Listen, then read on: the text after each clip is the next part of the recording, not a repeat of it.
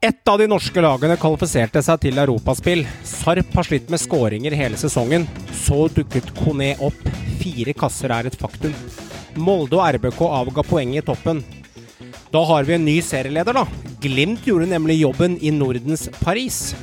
Mens alt fokuset ligger på enkelte topplag, så er Sanne Kristiansund med enda, kanskje mot all forventning. Overgangsvindu stenger snart. Kun få dager igjen. Twist-posen er full av herlige news. Noen spillere går for 4000 og en termos, mens andre kan vel omtales som kanskje årets salg. Velkommen til en ny episode av Synseligaen. Så er det Håkon Evjen som veier ned i vinkelen! Etter over 100 minutter! Han kommer til å bli større enn Jesus på Sørlandet etter dette! Det er faen meg Folk pisser eller folk er likegyldige. Det er det verste som skjer med en fotballklubb. Det er faen meg undergangen, det. Og det er han som omtrent aldri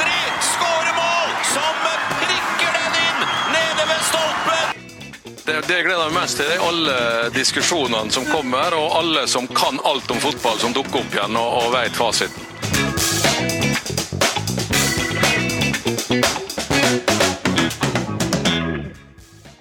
Da var vi samlet, alle Synseliga-medlemmene, og selvete Tom Nordli er med i dag. Det betyr eh, fulle folk og full mann i bingen, det, Håvard. Alle fem.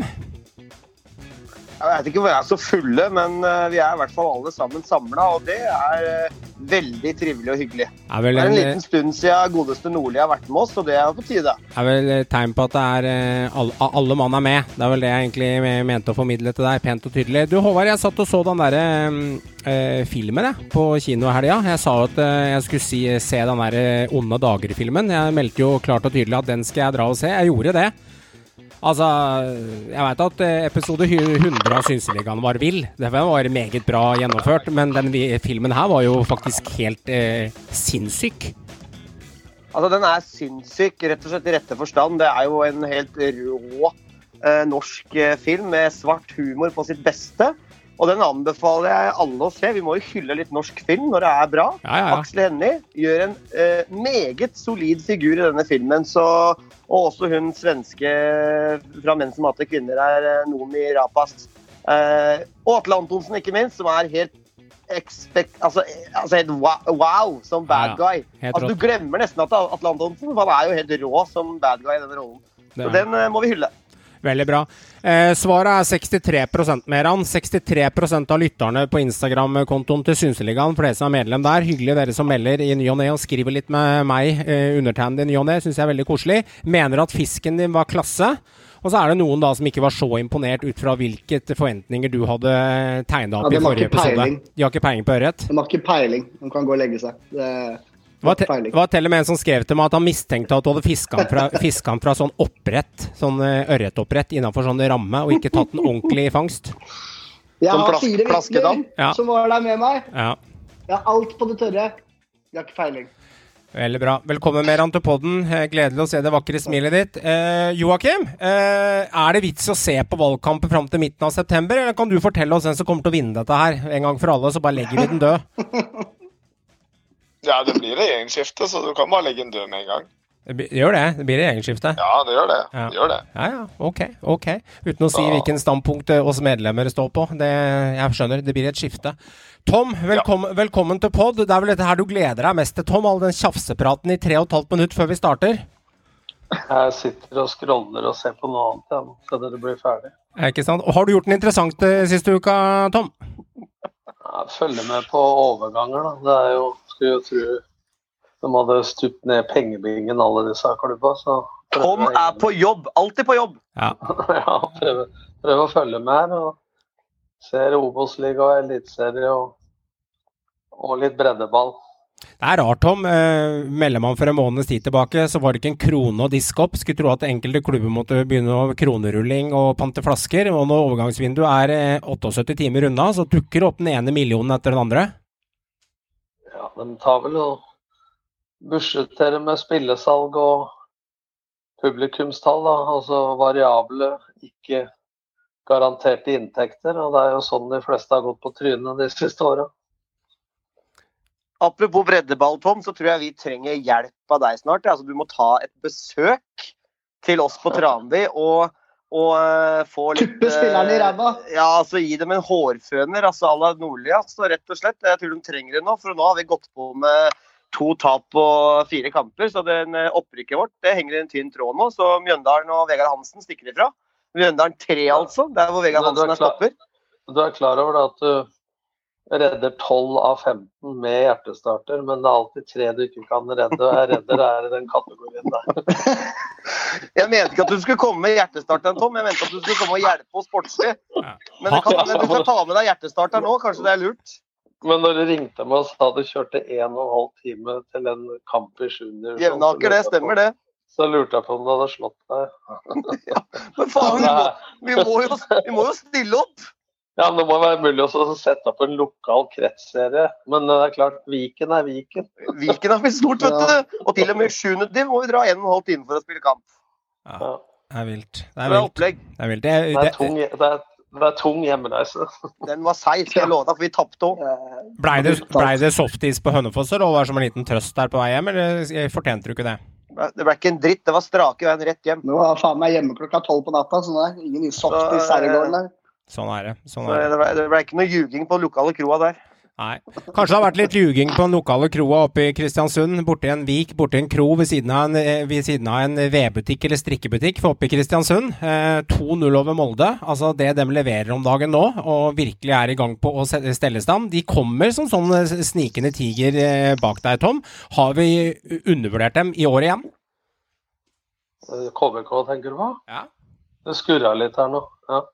Nei, altså, jeg har aldri undervurdert KBK. Jeg er møkka lei av å høre på Christian Mikkelsen sier at uh, vi er glad vi er med i ligaen og, og får leke spise kirsebær med de store osv. Og det budsjettmessige og ellers så er de eh, et topp seks-lag, og jeg forventer at de er eh, Jeg tror ikke de tar medalje, men det er sånn fire, fem, seks som det er hvert eneste år. Og de har et mye bedre lag enn det. Men det er liksom ikke noe lag som Akersgata og rikspressen følger så, så nøye. Mm. Jeg skal innrømme jeg var litt bekymra etter fjorårssesongen, etter at de mista Amal. Da tenkte jeg at det her kan bli tøffere. Jeg tippa vel en rundt mellom sjette til åttendeplass, men jeg må si de imponerer meg igjen, altså. De, de holder igjen. Gikk tilbake til gammel taktikk, eller gammel, kall det hva du vil. De murer igjen bak. De, de slipper så vidt inn mål, og de piller på nesen på topplagene. De tok til Molde sist nå, så det, det er Jeg er imponert over KBK. Jeg syns de gjør en veldig, veldig god jobb.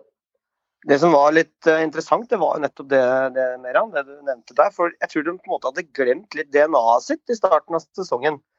Uh, og, eh, og på en måte savna Amal veldig uh, helt i starten. av, For da gikk de jo på en del uh, strake tap. Det var kanskje tre-fire kamper uten seier. Og så plutselig så kom de tilbake til det gamle KBK-DNA-et. Og nå er de jo der oppe og nikker. Og jeg er enig med deg, Tom. Jeg tror ikke de tar medalje, men det kommer ikke til å være langt unna heller.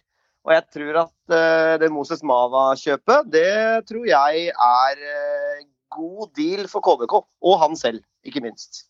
Det er klart at presset på ballfører og sånne ting altså, De gikk jo inn til sesongen med å, å, å være veldig gjerrig og skulle tak i det kollektive og det defensive. og Akkurat presset på ballfører i det øverste leddet blir jo bedre uten Amal.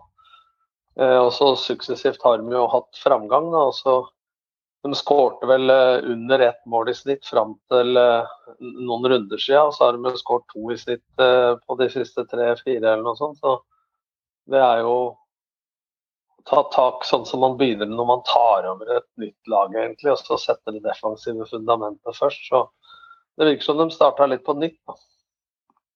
Joakim, eh, Molde har jo et luksusproblem. Vi satt og snakket litt om det på Snapchat-gruppa vår. At eh, når Linnes og andre sentrale spillere sitter på benken og flere skader der òg, så det begynner jo å bli to feite elver ut av det her. Men eh, er dette luksusproblemet sånn at det, det kan nesten bli en hemsko på hvem som skal spille etter hvert, og at, det, at, at laget, altså spillemessig laget, kan begynne liksom å uh, tro, uh, gå litt trådere etter hvert, da. Min tanke på det, for Molde er jo klart en gullfavoritt, men uh, for å se litt grann salt i såret, kan de spille seg vekk fra dette her? Er det mulig? Ja, nå tror jeg vi legger litt mye i det som egentlig er én lokalderbykamp her. Molde har sett solide ut i hele år.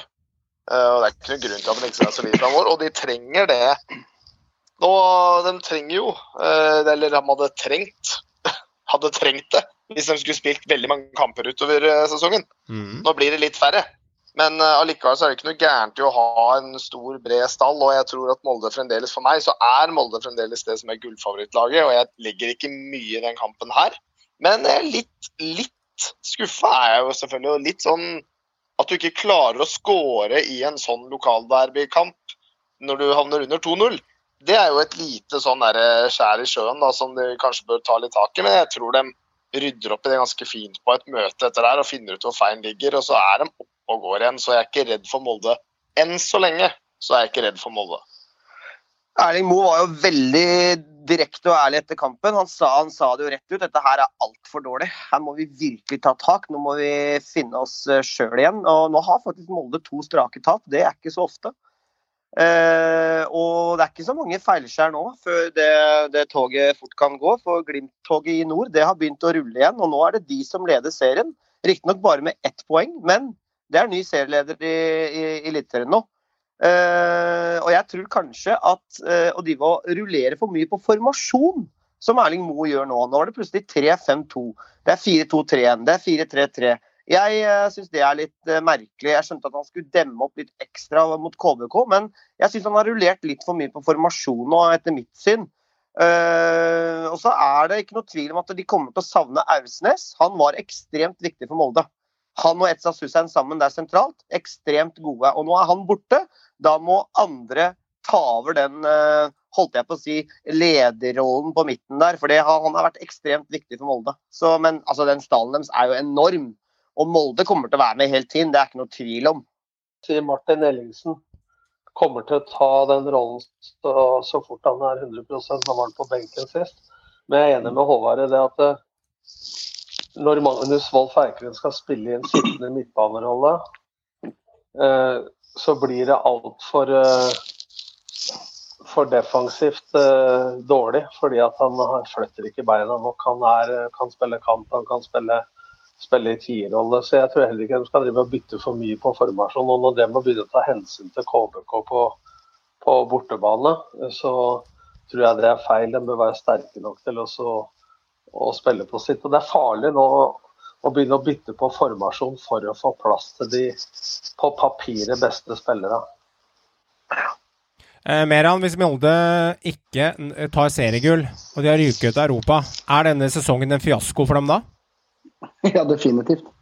Definitivt. Altså, det var ett mål de hadde i år, det var å ta gull, gullet tilbake. Og de har jo gjort det egentlig veldig bra fram til nå, så Men jeg er jo enig. Jeg er enig med Joakim nå. Jeg, jeg tror fremdeles Molde tar dette her. De må bare reise kjerringa igjen etter en uh, litt sånn laber kurve nå. Men det er et lite veiskille der. fordi at Glimt har satt fart på dette toget, det gule toget. Og på fire kamper nå, ja, eh, så har de et uover mot Lillestrøm. Eh, så slo de Haugesund 5-4, men de slapp mm. fire inn i sekken. Eh, forsvarsrekka har også fått litt grann kritikk for at de har vært litt, litt rustne bakover Molde til tider, selv om de har et stabilt bra lag. Og så har de to tap på rad mot Viking og nå mot Kristiansund. Så det er litt grann på fire kamper, to seire, uavgjort en tap. Så ja, vi forventer kanskje mer av de. Så ja, ja. Forventer, ja. Absolutt. Hva kan vi si om Sigurdsson og Fofana, Tom? Altså, det var jo en spiller som var henta inn i forbindelse med Europa i vinter. Fofana hadde vi jo litt forventninger til. Altså, Har de slått igjennom når vi ser det halvspilt, eller er det litt for tidlig, i hvert fall med Fofana, å slå en dom der? Husk på her at du, du skal kjempe med OI, som har bøtta inn uh, goller. Ja. Uh, når det gjelder Sigurdarsson, så har han hatt en prolaps uh, som skal opereres etter sesongen. Men de mm. brukte den såpass mye, som Erling Mosa, eh, på han i Europa, at de valgte å operere en tidligere. Så han, eh, hva som feiler nå, det vet jeg ikke.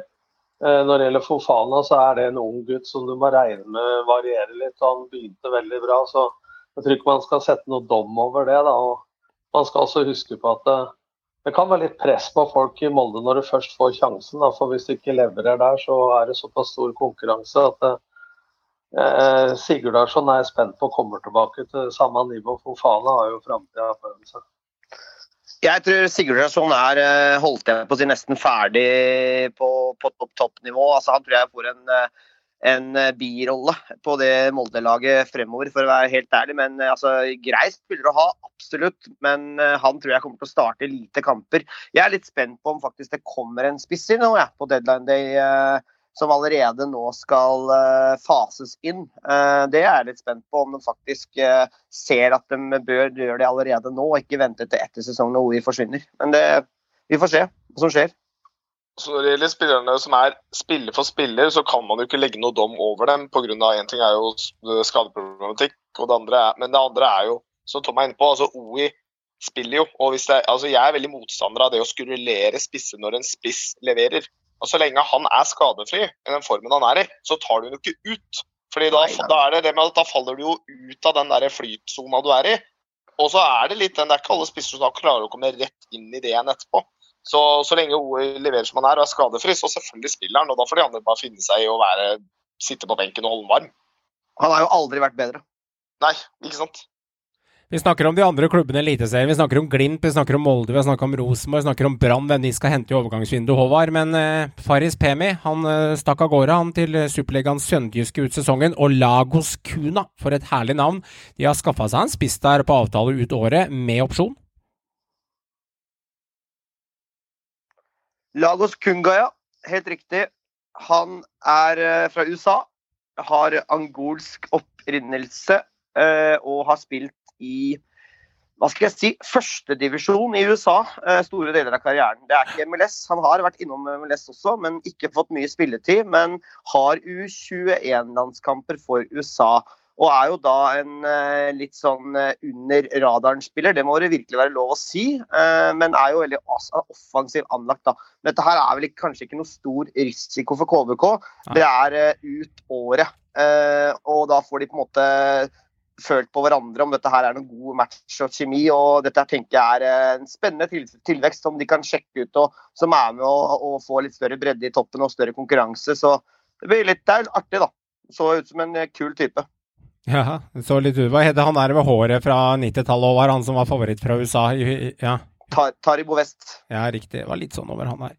Eh, Lillestrøm, altså, de vinner en 2-1-seier. Mjøndalen taper nok en gang med ett mål, og Sondre eh, Solholm Johansen til Motherwell. Tom, fikk du sett litt av matchen her? For jeg var på kino, så jeg er nødt til å oppdatere meg åssen det gikk spillemessig her. Jeg fikk meg resultatet og mål, det var det jeg fikk med meg i denne kampen. Sånn ble det. Jeg så hele matchen. Uh, og det er som vanlig jevnt, uh, men uh, det går på kvalitetsforskjell. Og det som imponerer meg med Lillestrøm, er at de er ligaens beste bortelag. Mm. 15 poeng på bortebane. De har snudd underlege til seier. Det viser at de har selvtillit og veldig god lagmoral. Det blir sånn symbol, men at du ser hver gang de har skåret Eh, så er det litt interessant det jeg tok opp for en stund siden. For da ser du at uh, Gjermund Aasen samler spillere i en ring og, og, og, snakker. For jeg har jo sagt det med straffekonk at hvis du, eh, hvis du jubler, så skapes det dopamin. Lykkehormon, ikke sant. Mens du driver og klenger for mye og jubler for lenge, så er det serotonin, og da blir det litt fornøyd-hormon. Og, og det er litt rart at mål følger mål. så jeg tror det der småpraten og de lederne av Lillestrøm har fått inn altså Helland gjør en kjempejobb sånn på treningsfeltet og garderoben. Gjermund Aasen med den rutinen. Og så har de, de yngre vokst hele tida. Så spillemessig nå så lå de under. Selv om jeg syns Lillestrøm var det beste laget, så, så ser du at uh, annen omgang så er det, er det klasseforskjell, etter min mening. Og, uh, jeg snakka jo med Geir også, så de gjorde jo om på slutten så lader man faktisk til 5-3-2 istedenfor 5-4-1, som er naturlig når du spiller 3-4-3. fordi at det, når Mjøndalen skal skåre mål, så slår de sjelden eh, lange baller fra sida med vinkel. De slår opp rett bakfra. Derfor ville han ha to spisser eh, for det, og så vil det bli veldig rom når de kjører bekka høyt. og Tobias Svendsen kommer to ganger alene med keeper der på 2-1, så den burde faktisk ha punktert dette, Lillestrøm. men eh, de vinner fortjent, uten at det var noe sånn der uh, hurraspill. Men det er noe solid over det som jeg tror, jeg tror de henger med og blir topp fem. Og de kan ta medalje, men uh, det er noe solid over det. Etter de to første serierundene så har jo Lillestrøm, eh, ser du bort fra de seks målene de slipper inn der, så har de også sluppet inn minstmål i, i ligaen. Det er en formidabel jobb, da. Geir Bakke og Myhre og, og hele LSK-laget. Det virker som det er innmari harmoni og sånn skikkelig god stemning i troppen. og Fansen er på. Det er rett og slett uh, skikkelig skikkelig topp stemning. Og uh, en sånn uh, over hele linja så er det tro på at dette her kan gå nesten hele veien til medalje. Og, og, jeg tror at Lillestrøm kommer til å være med helt inn og slåss om den. Jeg tror ikke det blir sølv, men bronsa kan de kjempe om, for det er så tett som hagl der oppe nå. Det er så mange lag som har meldt seg på. Det er jo herregud, nesten halve ligaen, holdt jeg på å si. Så det er uh, veldig veldig spennende. og Jeg er veldig spent på jeg nå om Lillestrøm gønner på uh, når overgangsvinduet stenger nå, og om det kommer noe, noe mer inn. For det er jo ikke noe tvil om at det er ganske tynt bak Thomas Lene Olsen på topp, uh, Tom. Men det der, kan jeg, det der kan jeg svare på, egentlig. Altså, det har jo vært annet han islendingen som var der i fjor, var jo på vei tilbake og ville tilbake. Han som var kant og spiss, jeg husker ikke navnet. Men han var ærlig og hadde, har en liten lyskeskade. Og så veit jeg at det er flere spillere som vil til LSK, men trenere er veldig redd for nå at de skal ødelegge for uh, stemninga. Hvis det kommer inn en eller annen som krever spilletid osv. For det er ikke så lett å få en nå som skal være erstatter for uh, Lene. Thomas Lene, og samtidig kunne spille kant. Uh, og jeg veit at Braut Brunes er veldig er veldig utålmodig. Og han var på vei til Koffa her, men han stoppa overgangen sjøl på utlån. Sånn at jeg tror de er veldig sånn De henta inn keeper, så de er eh, nå ute etter en stopper, men det må være den rette.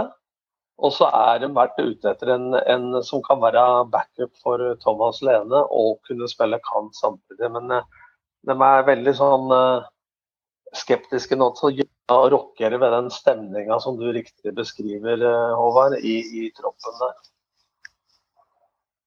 Ja, så har du jo på den helt motsatte siden, da, så har du da nevnte Solholm Johansen som forsvinner. Den eneste, kanskje, Mjøndalen-spilleren nesten i hele år, noen få unntak, som sjelden har gjort en dårlig fotballkamp. Uh, og når du snakker om Lillestrøm om et lag, da snakker man om lag som viser liksom, altså, som har vilje, de, de, de har troa på seg selv og alt mulig, så er jo da dette motstanderlaget i Mjøndalen viser jo bare de motsatte konsekvensene. Det er det samme hver kamp etter kamp etter kamp. Og gjerne det at de går opp i ledelsen, som også er en typisk ting de har gjort flere kamper i år. De går opp i en 1-0-ledelse, og så mister de det. Og så har de de har ingenting å komme med. Altså Det er ingenting å stille opp. Det er det samme gamle. Funker ikke det, så står de med armene ut i sida, og så er det helt er det dødt. Og det, For dem å miste han nå, som selvfølgelig han mye vekk, det skjønner jeg godt. Han har ikke lyst til å være med på dette her. Han gidder ikke å være med dette skipet her ned. Han ser jo hvilken vei det går. Men uh, det er et sterkt slag, et hardt slag for uh, Mjøndalen. Og det er kanskje spikeren i kista for at det laget der går fra 80% til ja, i mitt hode nå har godt pikka 90 sannsynlighet for rykken i år. Det, det er ganske krise. Så så du at de bytta formasjon også. Så det der utviklingsfokuset som Vegard Hansen hadde før sesongen med én formasjon og unge spillere osv. Så, videre. så nå tenker vi sånn at de har ikke gode nok stoppere etter at Solung var. Så nå var det William selv sammen med Nakim og Solberg Olsen eller Olsen Solberg, gud veit rekkefølga på det der, men at de spilte stoppere sammen. Så, så man trodde jo lenge at Solheim skulle gå til Lillestrøm, men uh, han er vel uh, født til å spille i Skottland. med fart og duellstyrke. Hvor er det? Også ja, jeg skal bare si en kort eh, kommentar. De har også bekrefta at de ikke skal erstatte Solholm Johansen. Uh, og det tror jeg er på mange måter spikeren i kista, tror jeg, når du kvitter deg med Nei, det er det som er interessant. De skal erstatte det med, eh, egne, med folk fra egne rekker, sies det. Men om det sies det, og, og så jobber de i det skjulte, hvem veit. Men, men, at det ikke kommer noen erstatter, og det tror jeg er en generaltabbe. Vi får se. Vi får se. Håvard, er det fortsatt håp for dette brannlaget ditt? Du har sittet her i seks uker og snakket om at jeg har enda et lite håp. Er samme setningen intakt, og hvor realistisk er dette nå? Altså, Det er jo bare å se på tabellen. Det er tre poeng opp til kvalik. Så selvfølgelig er det et håp. Og så lenge det er et håp, så er det mulig. Så eh, altså som fan og som fotball... eh, eh, altså fotballekspert, hvis jeg skal kalle oss det. Synser. Syn, syn, synser, ja, som vi tross alt er. Så selvfølgelig så er det mulig. Det er mulig, men det ser ikke lovende ut. Verken for Brann eller Stabæk, som ikke klarer å vinne kamper. Eller Mjøndalen, for den saks skyld. Men det er ett lag av disse tre lagene her som ender på kvalik. Tromsø vinner heller ikke kamper. Det er de her lagene her som må slåss om de, eh, den, den kvaliken, eventuelt eh, de to nedrykksplassene som, som går ned. da. Så, så det, det handler jo om å vinne de interne oppgjøra mot de lagene. Det vil jo som en cupfinale regne. For jeg tror ikke de lagene kommer til å vinne så fryktelig mange andre kamper mot de andre lagene. Så eh, det er bare å telle opp, da. Men for å si én liten positiv ting, da. Selv om de selvfølgelig da taper igjen, så, så syns jeg i hvert fall at gutta blør for drakta og jobber og kjører på. Første gangen er katastrofe. Vi er et straffespark unna 2-2. Og da kunne det blitt både ett poeng og kanskje til og med tre poeng. Men isteden så brenner du igjen. Femte straffa sju du brenner. Eh, og så er det da Hva er, grunn, hva er grunnen til at han tar straffe til stadighet hvis han Nei, det kan du lure på, for å være helt ærlig. Forrige straffe tok en sånn Jorginho-straffe, og da satt den. Ja. Kan du gjerne fortsette med det, da, kanskje? Ja. Istedenfor å skyte den i keeperhøyde. Nei, det er talentløst, og gutten er stressa, og, og du ser han er eh, oppjaga før han skal ta det straffesparket. Men eh, i dag har vi henta nok en keeper. Brann er jo eksperter på å hente keepere. Ja, ja, det er. Eh, og det verste er at eh, den godeste gutten her har en, en CV som ikke, ikke tilsier at han skal gå til laget som ligger på sisteplass i norsk eliteserie. Dette er faktisk en keeper som har ti E, U21-landskamper for Tyskland, og han er 22 år. Og han har da også en håndfull kamper i Bundesliga eh, for Bayer Leverkosen og spilt drøssevis av kamper for en god klubb som Kaiserstateren. Så Lennart Grill er vår nye keeper. Så får vi håpe at han varer litt lenger enn han forrige. At det ikke blir noe lagfest og velkom velkomstmiddag. Så gutta kanskje kan bli ut sesong. Så det, det er jeg spent på. Men hva? Da kommer det til spørsmålet. Altså, dette er jo det som er, altså For det første, alt som vi nevner nå med Brann, da. Bommer på straffer, spiller for drakta, men taper kamper. Alt er symptomatisk på et lag i motgang som ikke har egentlig troa på seg selv, som ikke får ting til å funke. Og Mangel jeg på tror- kvalitet. Ja, nei, jeg sier, jeg Ja, ja, selvfølgelig. han var avhengig av etter dette tullet som foregikk på stadion, den første kampen, fikk, der fikk de livlina si etter den kampen. Da var de liksom i gang. Fikk dem en seier. Jeg tror de var avhengig av at den seieren førte til to eller tre seire. Det fikk de ikke. De gikk rett og slett på rett på to tap igjen. Og da kommer det også det store Og så nå altså, henter de en keeper. Altså, Den trenger de jo, Den trenger jo det, Joakim. Gjør den det? De må ha Håkon Oppdal på 40 mål. Ja, men- ja, men det. Bent Leikvoll. Det er kanskje den eneste spilleren det er jo kanskje den eneste spilleren som ikke har spilt enormt under par hittil i år, er jo Håkon Oppdal. Resten av laget derimot må Han du bytte ut. skutt, han blir skutt god. For de er. Ja, han blir skutt god. Ja, men Jeg, jeg, jeg, jeg, er enig, jeg er enig med Joakim. også, Det er ikke på keeperplass det brenner. Og det som skremmer meg mest, det er at dette fokuset er på fem Det er typisk et båndlag som driver og bortforklarer seg, som sier at fem av sju straffer er bomma på. Sånn. Det er bare pissprat. De veit ikke hvordan de skal presse. De driver og flyr som huggerne høns. Ser ut som en klasa med druer. Altså Det der presset de hadde på ballfører nå, eh, og eh, høyt press, jeg har aldri sett det. Skulle tro at kampen gikk på flystripa på Gardermoen. Jeg har ikke sett maken til kontringsrom som, som Haugesund får. Det er noe av det dårligste og mest skremmende forsvarsspillet jeg har sett. Av tross alt en trener da, som har stått opp og vært god leder her, men som er kjent for å være god til å, å, strukturere laga defensivt. Og så får en panikk, og så gjør man til 4-4-2 i pausa. Og så blir det rokkeringer på posisjoner osv. Hiver inn en stopper etter ei trening rett fra start. Så jeg syns fokuset skal vekk fra trøbbelet som har vært. Det er lettere sagt enn gjort mentalt, men det å sette fokus på ja, vi kunne ha fått 2-2. Det er for dårlig kvalitet på det defensive spillet og det offensive spillet. Nå foreslår jeg at de tenker sånn som når du skal redde lag fra rykkene. Ta tak i to-tre hovedpunkter defensivt og offensivt og bli dritgod på det. Å kjøre inn en 12-13-14 mann som får kontinuitet resten. Altså, for å heller si som jeg sa til Reece Weston i Viking, eh, som hadde leid inn for en million. Hva skal jeg gjøre? sånn? Du kjenner ikke språket, du kjenner ikke fotballkulturen. Du kan blande saft, og så kan du få lov å spille neste år. Nå gjelder det å redde Brann fra rykkene, og så må du legge alt annet til side. Totalt feil fokus. Jeg vet ikke om det er det internt, men fra alt rundt som skylder på ditten og datten. Og Du kan ikke leve nå på at Brann er en stor klubb og det er bra stemning og ditten og datten. Bra stemning er det jo i hvert fall ikke. nei, nei, men altså normalt er en klubb som er supporter osv. Så, videre.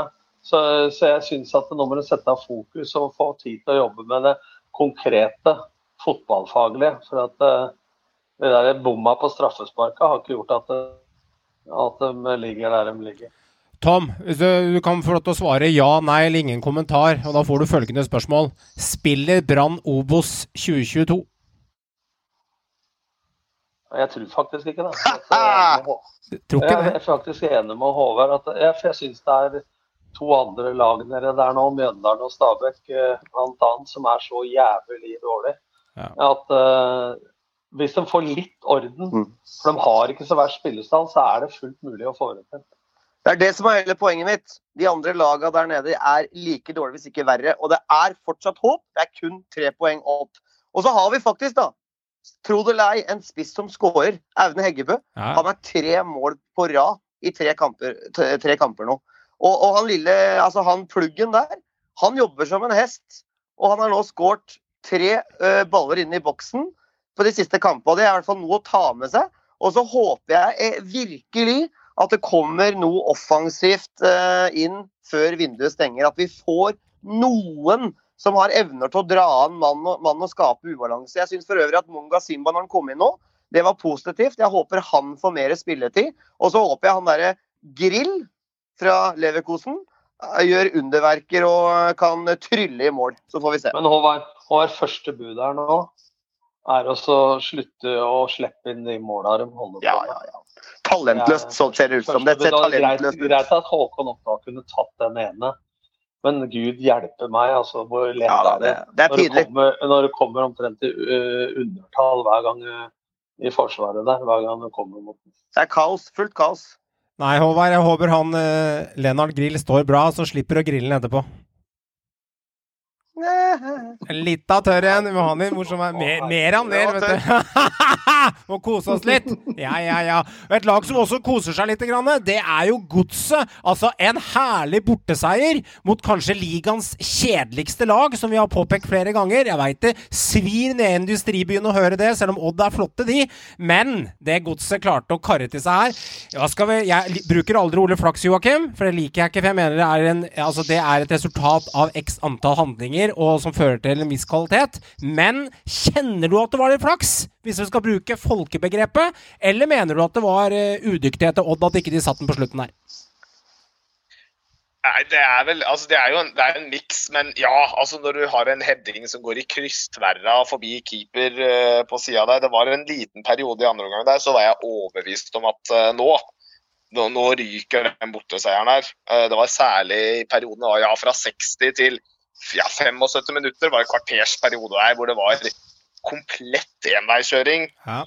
Det er et under at de ikke gjorde det, men det var, det var jo samme som uh, Lund beskrev kampen etterpå. Det, det, var en typisk krigerkamp. Altså, det var to lag som uh, kriga, og det ble mye slått mye mot uh, boks til boks. Uh, det var lite spill i midten. Det var egentlig stort sett bare kontringer i gjennombruddspasning, kontring gjennombruddspasning fram og tilbake hele veien. Eh, mest mot godset i andre periode. Men nei, det var deilig, og det var viktig da å få den, der, eh, den eh, borteseieren. For det er klart, sånt ligger jo og gnager litt, selv om Vasik står etterpå og er liksom Nei, vi har ikke tenkt på det, må han jo si. ikke sant, Kaptein kan ikke si at de har sittet og grua seg til hver bortekamp. Men det er klart sånt gnager på et lag at de aldri klarer å vinne på bortebane. Nå har de fått en bortebaneseier. Selv om kampen ikke var fin, og Godset ikke spilte fint, så har de fått seieren. Eh, og det er det viktigste. Og så har de ei sentrallinje nå med William Myhra Valsvik og eh, Herman Stengel pluss HV altså, og Fred Friday. Så, så, de er solide der, og det kan gjøre noe for selvtilliten. Men det mest sjokkerende er jo eh, Odd. Altså Nå forsvinner altså Bakenga. og det var ikke noe bombe. De har ingenting klart. Eh, så forsvinner Sander Svendsen, leiekontrakta går ut. De får ikke bestemt seg om de skal låne, og det vil de ikke Odense. Og så vil de ikke bla opp de penga hvis det er han de vil ha. Så det jeg savner i Odd, er at eh, det som Da kan du si at det har noe med økonomi å gjøre, men spillelogistikken må jobbe så nøye med at det er mulig å være litt i forkant. At, og gjette litt. Grann. Han er salgsobjekt, han er salgsobjekt. Interessen agenter lukter på. Har vi da eh, alternativ B og C klare på den plassen? Det savner jeg fra, fra Odd for tida. Altså for, eh, I fjor og drev det med sånne desperate eh, inn med en stopper som ikke hadde, egentlig hadde lagt opp. Rasmus Petersen spilte vel ikke et sekund. Han var for dårlig på annetlaget. Så jeg, jeg syns Odd har et godt grunnspill, og, og, men de har veldig tynn stav. Og, og jeg syns ikke de er nok på jobb i forhold til å ha ting klart. eh. Og nå kunne de ha solgt. Altså, Bodø-Glimt har bydd faktisk en tre-fire millioner for Markus Kaasa. Eh, For meg så hadde jeg brukt de pengene på Joshua Kitolano i tillegg. Der var Feinor inne i bildet. Men det er klart her at de buda de får der, så, så hadde det jo vært ikke så vanskelig å erstatte Markus Kaasa. Men da må du eh, lukte litt på hvem som er mulig eh, salgsobjekt. og Du merker jo det på interessen rundt fra klubber og agenter. Og vært litt mer da, og hatt folk klare, sånn som eh, Bodø-Glimt og andre har gjort. Og dette greide Bodø-Glimt før de hadde penger i banken, for å si det sånn. da, Med Lajoni, Sondre Brustad Fet osv. Det sies jo da at uh, nevnte Emil Jonassen, eh, som da er en gammel kjenning selvfølgelig, sitter og varmer benken hos Stabæk, som ikke akkurat er noe topplag. Eh, og Sander Svendsen igjen er spillere som kanskje er aktuelle på vei Men inn igjen. men hvem skal Emil Jonassen ta plassen til? Nei, altså Emil Jonassen han kommer jo til å havne på benken i Odd òg, kanskje. Ja, men altså, dem må jo styrke elva. Ja, Altså, Og det er det som er eh, poenget mitt. De er jo ikke på jobb her. Eh, De henter jo gamle kjenninger. Sander Svendsen er OK, da. Det skal sies. Han var ganske men sorry hva de gjorde nå? Nå har jeg sagt hele tiden at Magnus Lekven er bra midtstopper i frispillingsfasen og sånn. Elendig til å forsvare målet i egen boks. Så flytter de opp på midten når han eh, Filip Jørgensen blir skada. Og der flytter han ikke beina fort nok, for midtbanen til Odd med Kaasa, Kitolano og Jørgensen har vært navet og, og hjernen i det Odd-laget ved siden av Bakenga. Så har de for dårlige kanter, ikke sant. Så nå surter de Odin Bjørtuft, eh, som er den beste stopperen, opp der, og satte Lekven ned som stopper ved siden av Solomon og Wusto. Og det der eh, Da mangler de også et stopperalternativ, som jeg mener. For nå, er han kaptein, og så prøver han å få plassert uten at jeg har noe mot lekmenn, men alt har sin tid. Han er klok og ledertype og alt det der. Og Nordnes sa på TV går at han er ledertype. For meg så er han dårlig plassert innleggsposisjon i alle kamper jeg har sett live, både på Åråsen og på Skagerrak i år. Meran, eh, jeg hørte Nordnesen i går på TV-en. eh, Kittelano og Markus Kaasa de blir i Odd. Og når jeg ser Odd uttale seg til stadighet, både i fjor med Børven og andre spillere som har vært eh, linka til andre klubber, Børven har en spesiell case selvfølgelig, så er det liksom Skal helst ikke selge, og kontraktene går ofte ut. Og så går vi etterpå ut og uttaler om at vi skal være en selgende klubb og utvikle spillerne sjæl. Litt den holdningen der, Telemarksmodellen, som har fungert veldig lenge, men vi har savnet salg og omsetning fra Skienslaget. Er, er det berettiget å gjøre det og forsvare spillerne sånn på TV-en, eller mener han burde heller sagt at det var opp til sportsleder, vi tar det her internt, og så får vi se hva som skjer de neste dagene, eller syns det er greit han er så krass på det? Nei, altså Han blir jo satt litt på spissen der, så han svarer vel på den måten han ønsker å svare på. Men jeg er jo utelukkende enig med, med Tom. da, Jeg tror dette her går på sportslig leder. Um, og uh, dets inkompetanse, vil jeg mene. Over, over tid. Det er jo ikke noe Og det har jo ikke bare holdt på sånn et år eller to. Jeg føler dette har vært, vart lenge. Nå så, jo så ja. Nå har de jo fått inn Thomas Skilbre, da, som skal ta seg av spillelogistikken. Så Tore Andersen får brukt eh, sin kompetanse på lover og regler. og Han er en veldig god administrativ person. Men de har jo ikke vært like mye ute og sett etter, etter spillere eh, og, og sånne ting. Da. Så når du sa, Johan, at eh, eller er det opp til sportslig leder, det må jeg bare si. Altså Hvis det er på økonomi at ledelsen sier det, så må du innfinne deg som eh, trener. Men hvis jeg hadde hatt en sportslig eh, leder som overprøvde meg og solgte spillere som jeg ville beholde. Det skal jo altså Sportslig leder og trener skal jo være kjemi og legge fram dette. Og så må det være styret som bestemmer om de har råd til å beholde den eller ikke. For hvis sportslig leder skal begynne å trumfe gjennom ting over treneren, så er det det samme som å si 'this is war'. Men litt av det samme sa jo godeste Nordnes om Bakenga også. Eh, han skulle ikke dra, han skulle bli. og Kanskje litt humoristisk òg, det skal sies. Men han, men han ville jo selvfølgelig beholde han. Og det vil han jo selvfølgelig med disse unggutta òg. Han vil ikke se dem gå til andre norske klubber. Men- Og, og det men- laget er jo ribba når, hvis de mister Ja. de gutta der. Men Bakenga så var det en muntlig lovnad om at uh, hvis han fikk eh, et tilbud, så skulle vi ikke stikke kjepper i hjula. Så der var det bare snakk om at tilbudet skulle være bra nok.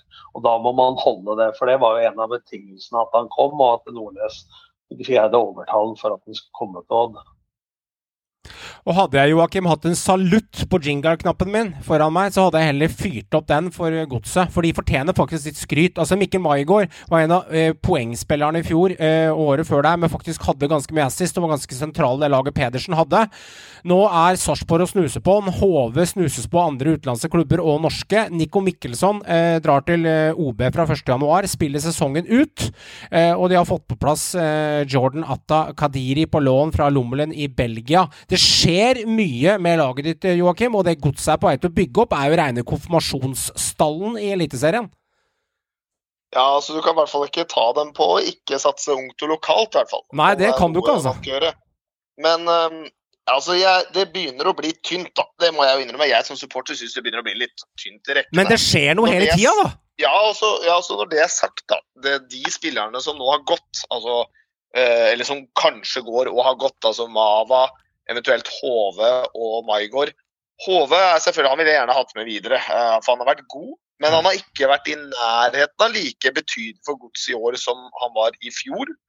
Og vi har fått opp flere alternativer på midtbanen eh, som kan fylle plassen. Eh, Så dette er liksom kanskje det året man kan selge den for på en måte mest penger. da, Hvor du kan få mest penger igjen for den, og faktisk få noe for å selge den, istedenfor å vente et år til og så går ned har, den- fortsetter han ut sesongen utenom å på en måte være like toneangivende.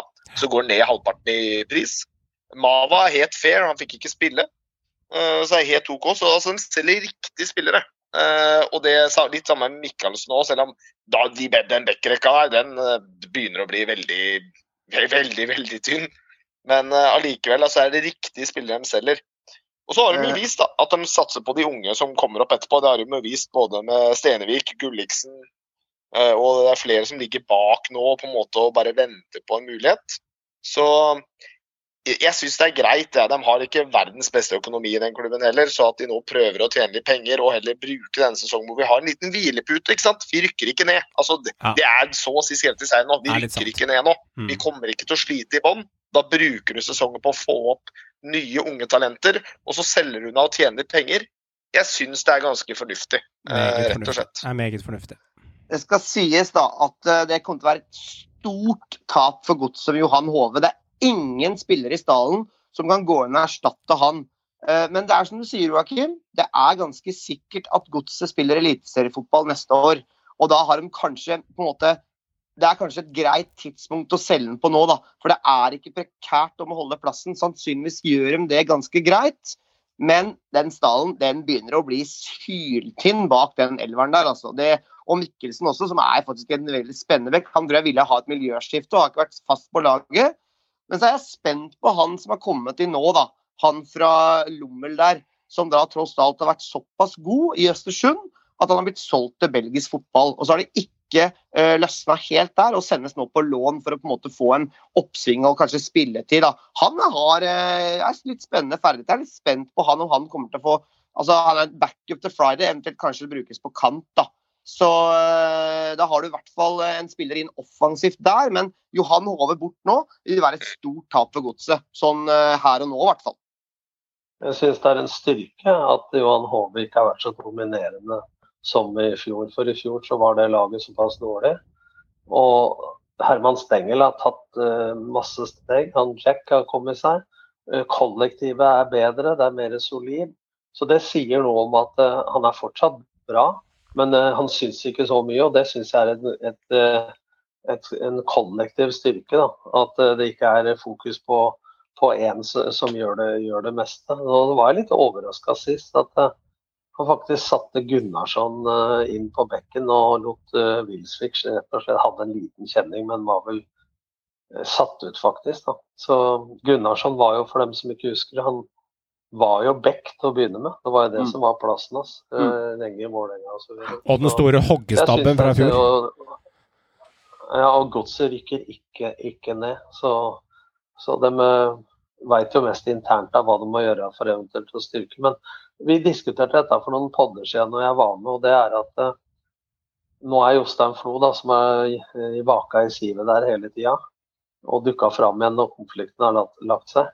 Eh, eh, eh, så nå kan jo han begynne, som jeg frykta, da, å, og, tenke 2022 og ikke være på etterskudd i spillelogistikken. Så de er jo i en posisjon nå som faktisk er roligere og bedre for godset enn, enn på flere år.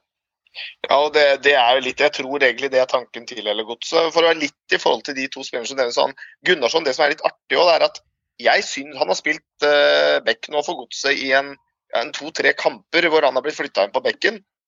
Og jeg syns han faktisk gjør han gjør en mye bedre figur der. Han passer faktisk bedre som back. Uh, og, og, kunne ha han som en reservebekk for når Wilsvik trenger en liten pause. altså Wilsvik begynner å bli gammel, stakkars uh, gamle fyren. Har holdt på lenge. Uh, han får litt småføylinger og litt kjenninger iblant. Samme par, så er ikke det gærent. Gunnar, Gunnarsson er bedre enn Wilsvik rent defensivt. da. Det, det, er han for Wilsvik er jo litt mer hasardiøs, litt mer offensivt uh, fiber i seg. og Han bidrar mye mer, mye mer offensivt enn det Gunnarsson gjør, men defensivt så er Gunnarsson ganske trygg på bekken. Ja, hvis, du tenker, hvis, du tenker, Odd borte, da, Joakim, ja. Eh, og du forventer at Odd, selv om du ikke er verdens beste lag for tida, har det grunnspillet og spiller ofte motstanderen veldig lave, så kan det faktisk valget han rent sånn taktisk kynisk sett være riktigere i en type på bortebane hvor de ikke er vunnet i hele år framfor Wilsvik, som har sin styrke offensivt og med innlegg. Ja, Det er enig, og, han, og det viste seg, og han gjorde en veldig god kamp mot uh, Odd. Uh, han Kadiri, forresten, bare for å skyte inn her på det, så er det, det er som du sier, altså Dette her er en spiller som skal holdes litt tilbake, han skal testes litt. Grann. Og jeg, jeg, her tror jeg det er eh, Var litt innpå og kikka litt og så på Lokeren. Og Lokeren er en av disse som jeg kan skjønne, en av disse farmerklubbene City. Lommel. Lommel, men Lommel ikke Lokeren, det er en større klubb. Lommel er en av disse farmerklubbene til Manchester City. For ja. de hadde jo fem spillere på lotten fra Manchester City i stallen sin. Ja. Så her tror jeg det er disse Manchester City-trådene som har vært og mm. gått litt grann, eh, som godset har hatt sin Deila-perioden. Eh, som kanskje har gjort at de har fått øynene opp for den. Og spennende. Vi får se hva han kan bidra med. Og Sist gang to, Godset tok en råsjans på en spiss, så skaffa de seg et beist. Så hvem veit? Funka det greit? Funka det greit, Så vi prøver en uh, lottokupong i Vegas en gang til. Håvard, du skal få avslutte Godset, Håvard. Uh, og avslutt gjerne med prislappen på HV, og hva kan Godset forvente seg ut med han hvis han går? Altså, for, for det har vi ikke tatt, gutter. Det kom faktisk Serie A-klubb. Og Det er jo eh, fjær i hatten for godset at det er en spiller som går rett til en Serie A-klubb. Det er riktignok ikke noe stor Serie A-klubb. Det er Spezia som er eh, mm. nyopprykket, så vidt jeg vet, som det er snakk om. Men eh, at godset da selger en ung norsk spiller rett til Serie A, det, det er jo et kvalitetstegn. Jeg tror at de kan få mellom 15 og 20. Ok, ok. Får de over 15, så er det godt betalt, men, ja, men, jeg, men vi får se. Spennende. Når Molde og Rosenborg eh, går på bananskall, eh, Tom, da er Glimt der, da. Og eh, Pellegrino Magi igjen. Han leverte scoring og målgivende, og Saltnesen våkna og sørga for to mål. og Det var fire målpoeng på de buret, Tom. Og Tromsø holdt dem helt inn ganske lenge der. Og til og med en Tromsø-spiller som var på utlån fra Glimt, skårer jo selvfølgelig mot gamle lagkamerater, men det holdt til 2-3 87. minutt. Ja, For å ta det først, så syns ikke jeg at Rosenborg taper i Stavanger er noe bananskall. Nå lever du litt i fortida, eh, Krog. Eh, men eh, Bodø-Glimt Altså, Tromsø syns jeg av de laga nedi der som, som, er spillemessig ofte best, og som har egentlig en stall til å stå. Men de har vært veldig dårlige på Alfheim. Men i et sånt lokaloppgjør, hvis du kan kalle det mila imellom der for lokalt, så, så, så, vil det alltid være jevne matcher. Men igjen så viser Bodø-Glimt eh, ikke toppspill, men den viser altså kvalitet på enkeltspillere som gjør at dette blir avgjort med Saltnes, som er eh, kanskje den viktigste av alle. Jeg tror han er enda viktigere for laget enn Patrick Berg. Og så har enig du Pellegrino som ikke syns i det hele tatt, men så plutselig så har det ett mål en målgivende. Og, og nå er jo Bodø-Glimt på alt som kan krype og gå, for nå har de penger. Så det er ikke måte på nå hvis du snakker med agenter. Ja, men altså, de er jo på så Ja, ja. mange spillere nå. Gaute Wetti fem millioner i bud for lavt. Så går de på Kåsa isteden, osv. Så, videre, og så, videre. så Så de er på jobb eh, oppe i Bodø der nå. Og, og jeg, hvis, de, eh, hvis de tar sølv eller gull i år, så er det nesten sånn at det, det er enda sterkere med alt som har skjedd, enn det de greide i fjor. Selv om det Ja. rent sånn poeng og målmessig er selvsagt eh, once in a lifetime så hadde jeg aldri forventa med det trøbbelet. Og det viser eh, noe av kvaliteten der oppe, at de nå henger med. Altså, vi må faktisk hylle det akkurat det. Nå leder de serien igjen, altså. Og vi er over halvspilt, og du mista hele gullrekka si i front der. Og de leder nå serien. De har spilt 17 kamper. Altså, Det er ikke annet enn vanvittig imponerende. Og nå har de også Ja, alt som kryper og går, er aktuelt for Glimt. Og nå er det jo snakk om at gamle eh, brannhelten Fredrik Haugen har fått eh, et eh, tilbud om kontrakt. Og Gilbert Komson, eh, som nesten bar det brannlaget alene, han er allerede klar for Glimt på en lengre kontrakt 2025. Han er signert fra Kasim Pasa i Tyrkia.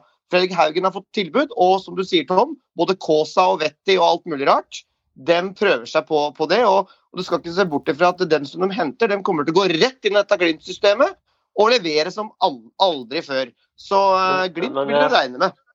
Men jeg skvetter litt jeg, når, når eh, Fredrik Haugen sier at Bodø-Glimt ikke er førstevalget. Det er mulig han har noe annet på tapetet, men er det noen som kan få fart på karrieren til Fredrik Haugen igjen og komme inn i det maskineriet til Bodø-Glimt som du nevner, så er det nettopp eh, opp, oppe i Bodø der og, og Komson.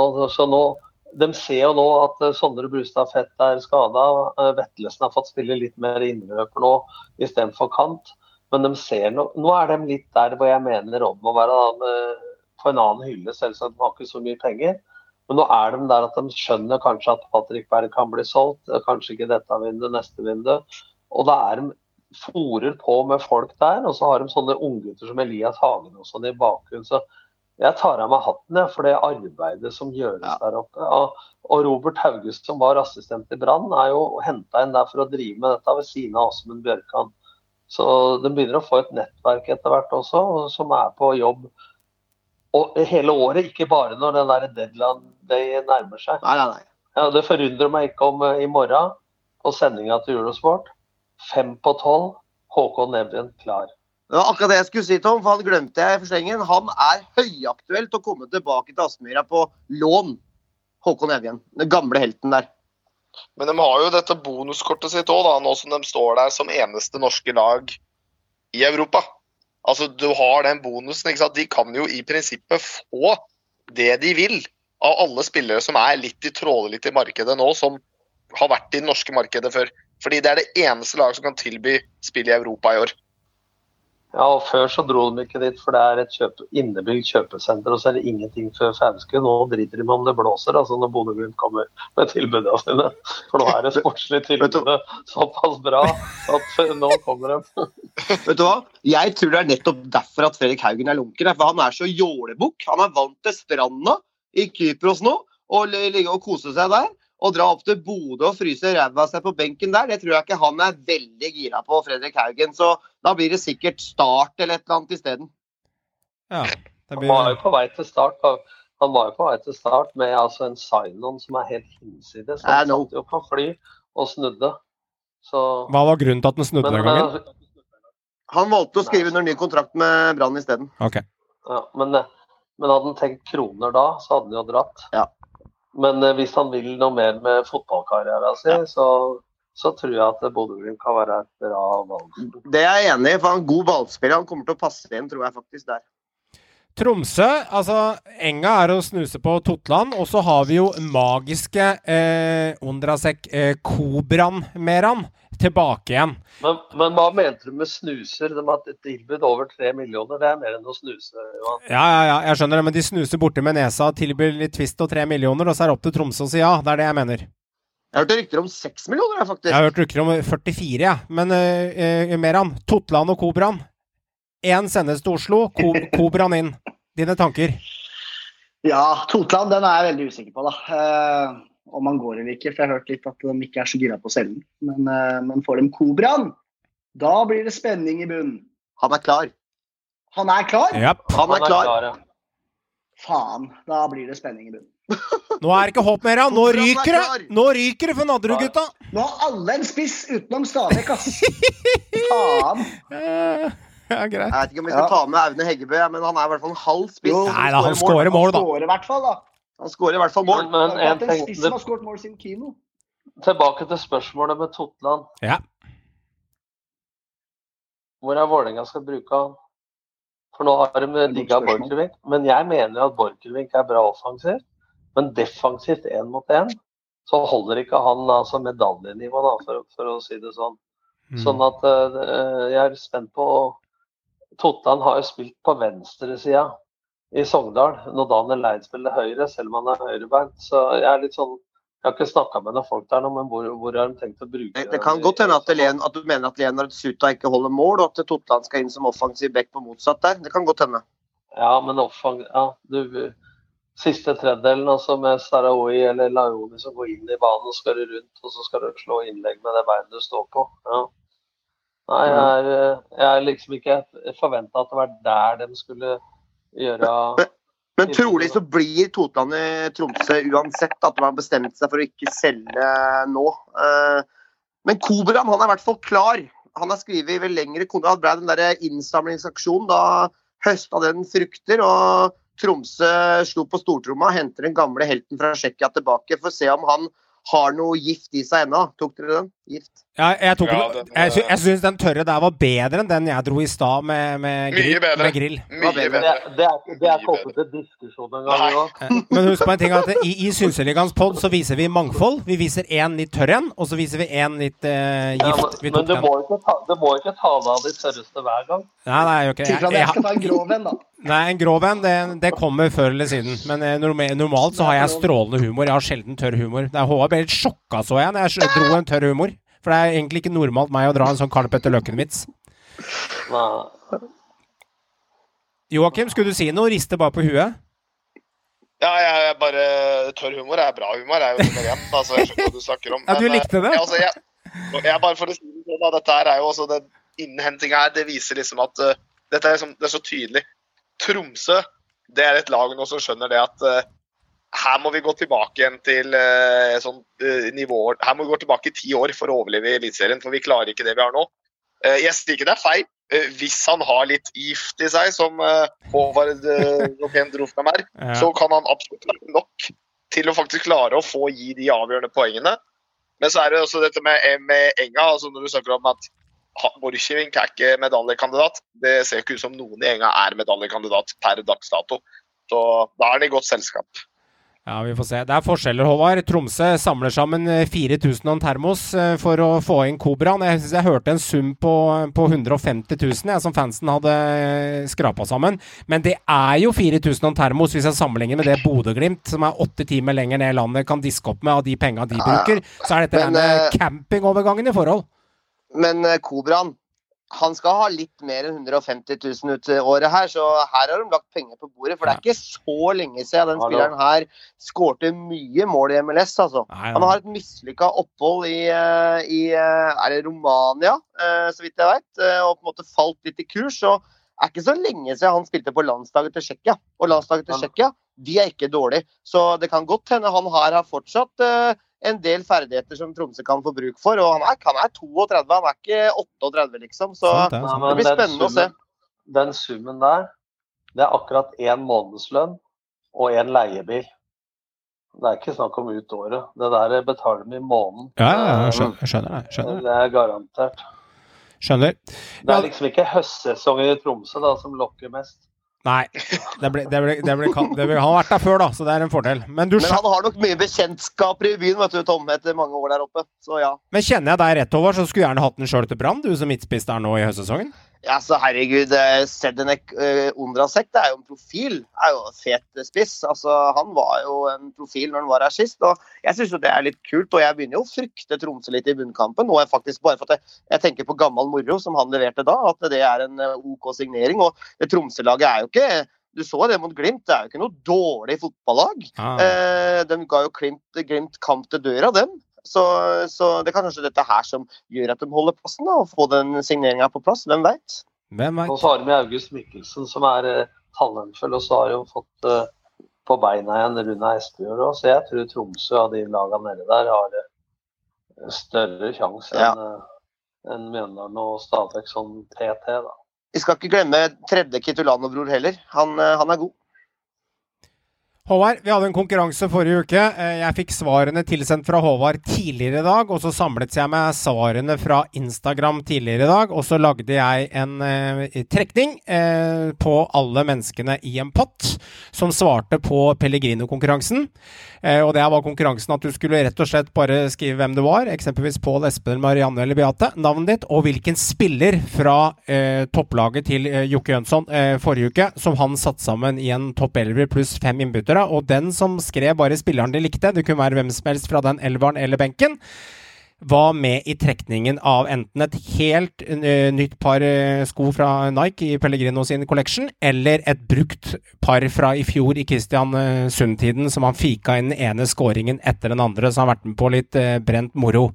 Og der har jeg samlet alle navna på en liste. Så vi kan gjøre det veldig enkelt. Eh, Joakim, jeg bruker deg som eksempel nå. Du må gi meg eh, fem numre, for jeg tar trekninga på direkten her nå. Så vi lager litt spenning for lytteren som sitter og hører på dette her. Og jeg skal gjøre det effektivt og fint, hvis dere lar meg få tid til det. Dere må nevne Er det noen som vil ha de brukte? Ja, det er akkurat det. Det er det man Det skal ha, da! Jeg hadde lett jeg, kan, jeg kan si om det. Vi har fått inn Vi har fått inn eh, Men det, er, var, det, var det Puma eller Nike Evo? Var det, var det ikke Puma-sko? ja, De brukte var Puma. det var Puma. De brukte. Nei, de, de brukte veit jeg ikke. Eh, det er jeg usikker på. Men de nye var noe du sa Nike, skjønner du. Det var, det var nye Puma-sko. var Det ikke var nye Puma-sko. De brukte vet jeg ikke. Da plukka han bare et par fra i fjor. eh, Ja, og de ja. andre var verdi av 2000 kroner ubrukte. Og det er 53 stykker som har svart på konkurransen. Eh, så Joakim, du skal finne fram fem numre til meg. Og jeg vil si at det er ca. 60% av dere som har svart brukte sko, og 40% som har svart nye sko. Så det er flere folk som vil ha brukte sko enn nye. Fem nummer er mellom gærne, vet du, 1 og 53. Gi meg fem nummer, ikke bruk like lang tid som i quizen. Det er mange som vil ha brukte ting på nett. Det er. Men gi meg okay, fem numre, så vi får litt effektivitet på det. Så lytteren, du som har sendt inn, du er med i konkurransen nå, og så finner jeg en fra lista. Kjør! Ett na- ett tall først. kan jeg bare si at det ikke er jeg som bruker tida nå, bare så at jeg er klart, liksom? Hallo? Kjør vei. Greit. Uh, vi tar én, Da stopper vi der. Sju, Jeg må si navnet høyt. Én er Erlend Hagen Bakenga. Sju. Torl med Saltnes. Yes. OK. 31, Jørg Sund Henriksen. Saltnes. 44, Chris Robin Eriksen Nakkim. og så tar vi eh, meningen med livet 42.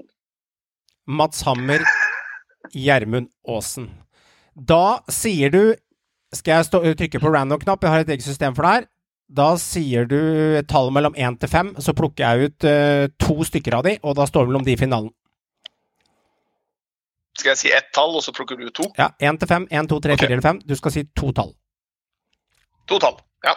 Da tar vi mm, to og fire. Da er det Jørg Sund Henriksen som har puttet inn Saltnes, og Chris Robin Eriksen med Nakkim. Da står det mellom dere to, gutta. Hvor dere er hen akkurat nå, det veit jeg ikke. Kanskje du sitter i bilen, kanskje du er på jobb, kanskje du lager middag til kjerringa di. Nå, Jørg, og nå, Chris, nå skal det avgjøres. Da er det én eller to, og du sier Joakim? Da sier vi én. Eneren vinner alltid. Chris Robin Eriksen. Markus Nakkim, du er vinner av konkurransen. Gratulerer så masse. Ta kontakt med meg. Jeg husker ikke helt om det var eh, Twitter eller Instagram, det finner jeg ut av. Men ta kontakt med meg og Håvard der du var, på Chris Robin Eriksen. Og så sender vi av gårde Pellegrino sine brukte eller nye sko. Skriv om du har brukte eller nye. Gratulerer så masse fra Synseligaen. Sarpsborg, Joakim. Um, 5-0 i sekken. Jeg sa forrige uke at det kunne være fare for at uh, hvis de ikke får fart på denne mølla på toppen og skårer mål, for de skårer fryktelig lite mål, så kunne de blande seg inn i bunnen der, i verste fall på kvalik. Men han Kone han ville det annerledes, og i mitt hode, arrester meg gjerne, så er de ute av den kvalik- og bunnstriden nå. Dine tanker? Ja, jeg, jeg vil jo Altså, det er de ikke, men uh, jeg, jeg vil også si det samme. For meg nå føles det litt som at Sarpsborg er litt ute. Den fikk seg en glippe nå, det er vel fem poeng ned. Uh, ikke at det er enormt, men det er litt med det vi har vært inne for flere ganger nå. det er de syv poeng ned, vel? Det er vel syv poeng Nei, men det er fem til Kallik. Fem til Tromsø, uh, som er på 13. Syv til kvalik. syv til Kallik. ja. Så, altså, men de laga under er jo også, som vært innom flere ganger, så mye dårligere. Og det er klart når spissen din begynner å dunke fire mål på en omgang, eller én omgang pluss et par ekstraminutter, da, da begynner det å lukte litt. Altså, ja, det blei fart på mølla på toppen på det laget der, så du fikk jo det du eventuelt etterspurte da, Jon. Det er ketsjup-effekten på Kone. Han har brent så vanvittig hele år og nesten ikke skåret mål. Og så nå var det fire kasser i samme kamp, og han er jo et beist på topp der. Det er jo Waji 2-0 det her, når han er dagen. Så uh, nå er han jo tatt ut på landslaget til Mali òg, faktisk. Det er jo hyggelig. Uh, så Kone, altså Ja, jeg tror ikke Sarpsborg får noe sånn wow-høst. Det tror jeg ikke. Det er nok ikke så lenge til det er, er mye 1-1 altså og 2-2 og, og, sånne ting. Men at de ikke de rykker ikke ned, det tror ikke jeg heller. Jeg tror de har berga greit nå. Fordi laga bak er så dårlig. Nå ser du at Bohinen har fått inn De har spilt 3-4-3 eller rein 5-4-1 under svensken og nesten ikke angriper. Nå begynner det å se litt at de har fått noen treningsuker og sånn. Jeg synes jeg kjenner jo systemet til Bohin godt. Og jeg tror selv om nå Molins, Molins ble skada, så det at Kone får en makker på topp Jeg så jo kampen på Åråsen bl.a. som Lillestrøm vant. Men den duellen mellom Ogbu og Kone, det er noe av det råeste jeg har sett i år. og han var, De to var banens klart beste i den matchen. så Kone er en klassespiss, og når han får Nå får han for det første en spissbakker, og så får han indreløpere, Vetti osv., som truer rommet mellom stopper og vekk hos motstanderen. Som gjør at det blir bedre arbeidsforhold. For til å begynne med så er, så er han alenespiss i 5-4-1, og da er det vanskelig. Jeg er helt enig, Tom. og Gulermo Molins var King Kong før han måtte ut med skade, dessverre. og Det er et, en strek i regninga for Sarpsborg. Var veldig god til å linke opp Kone og møte og tre igjennom. Han er jo en smart herremann, Molins, og god med ballen. Veldig fotballsmart type. Men så kom jo også Christian Fardal inn på topp og også gjorde jobben greit, selv om han da ikke er av samme han er ikke i samme kvalitet, men han er en OK spissmakker. Men Molins kommer de til å savne der framme. Han tror jeg er ute en stund igjen nå. Det, det er synd. Men, men Fardal Opseth, altså du kan godt si han bomma og fikk trøst av Kone der. Men at det som jeg ser av Fardal Opseth nå, at han har bedre fysikk enn han kom. Ja. Og han kommer til sjansene. Så det er tidsspørsmål før han også setter. Så så jeg, jeg synes det ser Jeg tror ikke Sarpsborg rykker ned. De er for solide til det i, i spillestallene, tror jeg. Og så har det jo tikka en bud på Anton Saleteros, faktisk. Sarpsborg har takka nei. Det er dansk klubb. Det er vel Er det Wiborg, så vidt jeg leste, som, som har følere ute der. Og, men Sarpsborg har foreløpig ikke godtatt noe bud. Og det, men det snakkes inn, som vi nevnte så vidt, med Mikkel Maigård, da, tidligere godsekapteinen, som muligens er på vei inn portene i Sarpsborg. Så vi får se. Det kommer nok til å skje ting på deadline day i Sarp også. Det tror jeg. Har noen gang Sarpsborg skåra fem mål i en eliteseriekamp før? Det er nesten et spørsmål i seg selv, for jeg kan ikke huske det. Det er mye seige ettmålseier og 2-1 og 1-0 og 3-2. Ja. Du må over midtstreken, tror jeg, for å skåre. De vant 4-0 i fjor mot Stabæk. Ja, husk på det at Sarpsborg vant eh, nesten ingen kamper høsten 2018 når de var i så bra i Europa. De vant fem fotballkamper i den sesongen hvor jeg hadde 0-0 mot Lillestrøm i siste og redda plassen når Lillestrøm kom i kvalik. Da vant de kun fem fotballkamper. Og, og når Stare kom inn, så var det solid defensivt, men eh, det var jo det kjedeligste laget og det defensive laget. Eh, så jeg syns jo under Bohin nå at det ser betraktelig bedre ut eh, for Sarpsborg. Men det er klart de er underprestert i flere år. og det er ikke så lett for en trener heller, da. å sette noe kontinuitet verken på formasjon, spillestil eller på kontinuitet. Når de ser Før i år så solgte de ikke så mange, ellers har det ligget på 10-15 i, i året.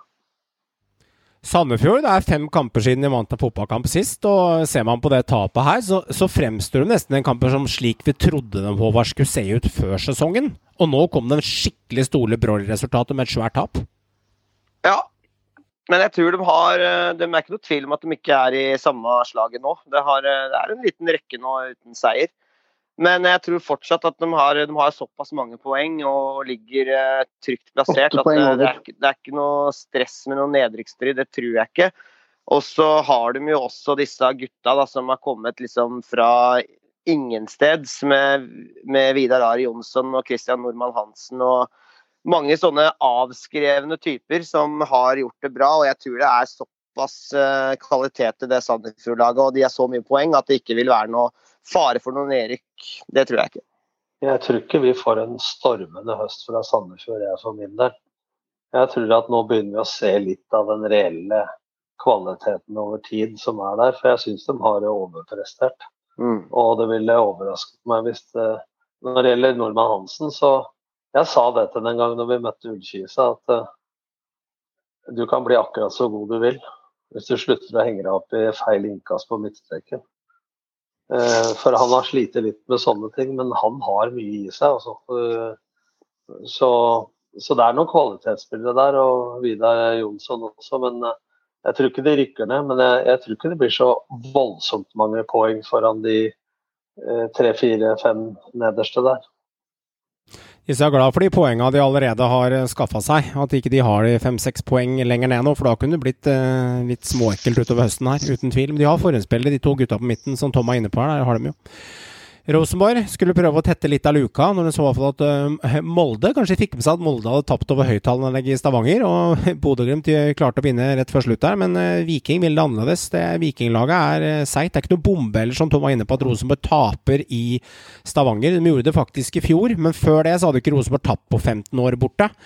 Men uh, Tripic viste vei, og RBK Jeg syns det var tamt. Jeg kan jo starte å snakke litt om matchen selv, selv om jeg så den, så den starter hos meg i dag.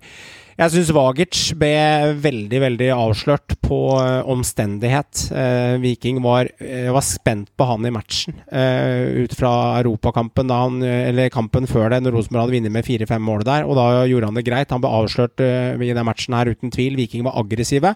Rota bort ballen en tre-fire ganger um, for mye i farlige situasjoner. Det skapte faktisk ikke så mye av de situasjonene, men det sier litt om hele strukturen i laget til Rosenborg mye mer aggressivitet i spillerne. Hovland og, og Holmar de holdt unna i duellspillet mot Viking. Men i europakampen mot Renn så ble de jo avslørt om at de ikke er gode nok på dette europanivået. For å snakke litt om den Rosenborg-kampen som var i Europa. Så det holder Eliteserien, men det holder ikke når du skal møte eh, litt eh, ja, ok pluss lag i Europa, da, som eh, jeg vil si renn er, versus de andre store der ute. Så en helt fortjent seier til Viking. Det var en power energi som ikke ligner grisen, og Rosenborg var tamme. Så eh, ikke veldig imponert, og et helt fortjent tap. Eh, du har jo godeste Joe Bell nå, da, som kanskje har spilt sin siste kamp. han hadde jo et kremmerhus uten like. Altså, for en scoring! Altså dribler seg gjennom halve forsvaret og banker den i krysset med venstreslegga der. Nydelig scoring, og han linkes kraftig bort nå til Last Championship. Det er Barnsley, det er flere klubber som er uh, inne i bildet der. Passer vel hånd i hansker i klubbene, han.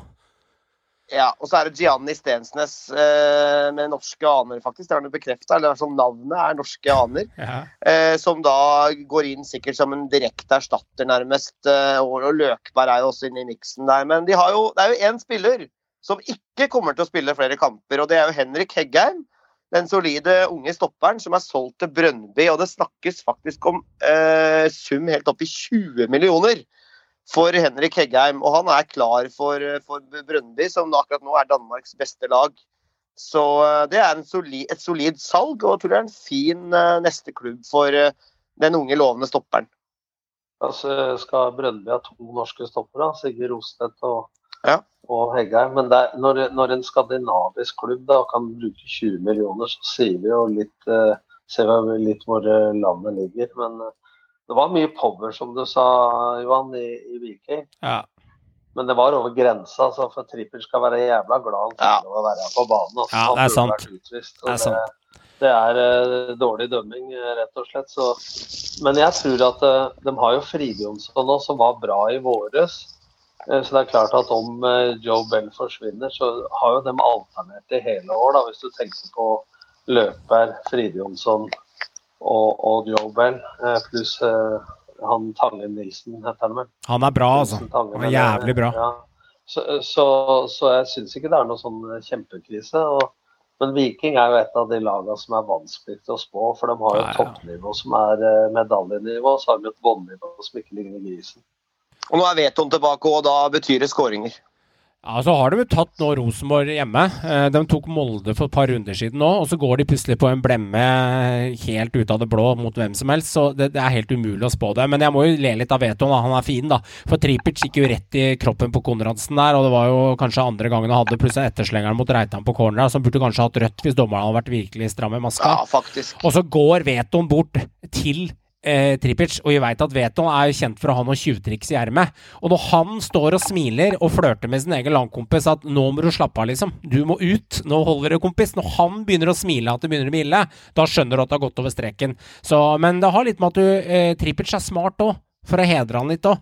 Han er smart, vet du, for han, han har den der det, det er litt som eh, Det er en balansegang der. At han beveger seg akkurat på grensa til hva som er tillatt, og så leser han kampen og spillet. Jeg kan fortsatt ikke huske at Tripic har fått eh, rødt kort. Han, han er Jeg er helt, uenig. ja, men, ja, men hvis, jeg, hvis, jeg, hvis, jeg får full, Altså, hvis jeg får altså, fullføre, så hadde det vært fint. Det hadde vært kjempetakk for det, liksom. Får jeg- får jeg fullføre? men det er s- Herregud. Ja, for greia er det at det, Grunnen til at jeg mener han er smart, er at han setter Rosenborg ut av spill. Han, han sørger for å eh, gjøre så mye oppstopp i kampen og lage så mye turbulent at RBK begynner å fokusere på dette istedenfor kampbildet. Så jeg syns han er smart. Han skal ha for det fra min del, altså. Ja, ja, men Ernst veit han hvor linja til dommeren ligger? Det er kun en elendig dommer som gjør at han er på banen. Det er Ja. ingenting med smartness å gjøre. Det er å miste huet totalt. Jeg elsker spilleren, men nå denne gangen her så går han langt over grensa. Ja, mulig. mulig. Hva kan være mulig, det? Ingenting, ingenting med smart å gjøre. Altså det er, det, han kan ikke vite hva dommeren tenker. Han skulle vært ut av banen. Og nå vet om Berisha, som du sier, tar tak i han. Da har det gått langt. Det har gått langt, ja. Langt over den grensa. Men hvor mange røde kort har da. Ja, det er sant. Men hvor mange røde kort har han fått i sitt liv? Altså, han er- det handler ikke bare om denne kampen mot Rosenborg, det handler om helheten i Tripic. Han er ganske god til å lese hele kampen her, hvordan bildet er. Men jeg er enig at det gikk over streken, og ja, jeg er enig at han skulle hatt rødt. Men jeg syns fortsatt han er en ganske smart spiller på akkurat det der. Så jeg er nok litt uenig med deg, men det er greit nok. Ja, han, fikk, han fikk jo sitt fjerde gule om å stå over allikevel. Det gjorde han. Han er litt ufin. Han det. spiller på grensa over grensa Ja, ofte flere ganger. Det, det gjør han. Men er god spiller. Ja, ja. Det er han absolutt. Men de ville ha 20 mil, eh, mil for Joe Bell, eh, og så gikk det Da satt jeg og så på det, tenkte jeg nå hyper vi spillere. De får ikke 20 mil for han. Det kan kan hende de gjøre, kan ikke godt hende de gjøre. Men så dukker det opp 20 mil for Heggheim, da. Så er de eh, griseheldige, så selger de spillere for 30-40 mil i et vindu her. Og det, Håvard, det er det lenge siden Viking har gjort. Så spillere for 30-40 millioner i et vindu.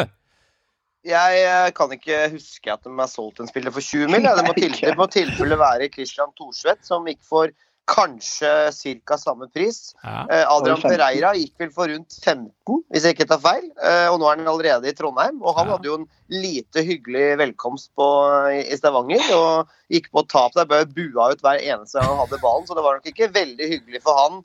Og far, som sikkert satt på benken hos Viking Ja. i trenerteam. Så eh, det var jo en, en liten strek i regninga for godeste Adrian Pereira. Men det er jo for øvrig en god signering av RBK. Eh, og jeg tror at det Rosenborg-laget, selv om de gikk på tap her nå, de kommer til å være med helt inn absolutt og kjempe om medaljer. For det er så tett og jevnt. Og det Rosenborg-laget med den rekka foran der, med Vekkia Seid og, og Noah Holm. Det lukter skåringer. Så uh, jeg tror at RBK kommer til å være med inn. Men jeg må si det. eh, Jeg hadde en rant på Twitter der. For jeg, jeg skjønner at supportere er følelser osv. Mm. Men nå må vi få slutt på at eh, jeg sier som kona mi sa til meg når jeg fikk tilbud av Rosenborg. Og jeg valgte å bli i Start, så sa Start ble aldri i Rosenborg. Og, øh, og øh, den dagen Start ikke har bruk for deg, så sparker hun deg. Altså, vi, vi mener at trenere og spillere skal være så jævlig lojale mot klubba. Men den dagen klubba ikke har bruk for verken spillere eller trenere, så tupper de deg til helvete. Så, så om du bytter jobb for, Jeg skjønner at det er annerledes å bytte jobb fra Esso til Circle K. Og det er andre følelser inne i bildet her.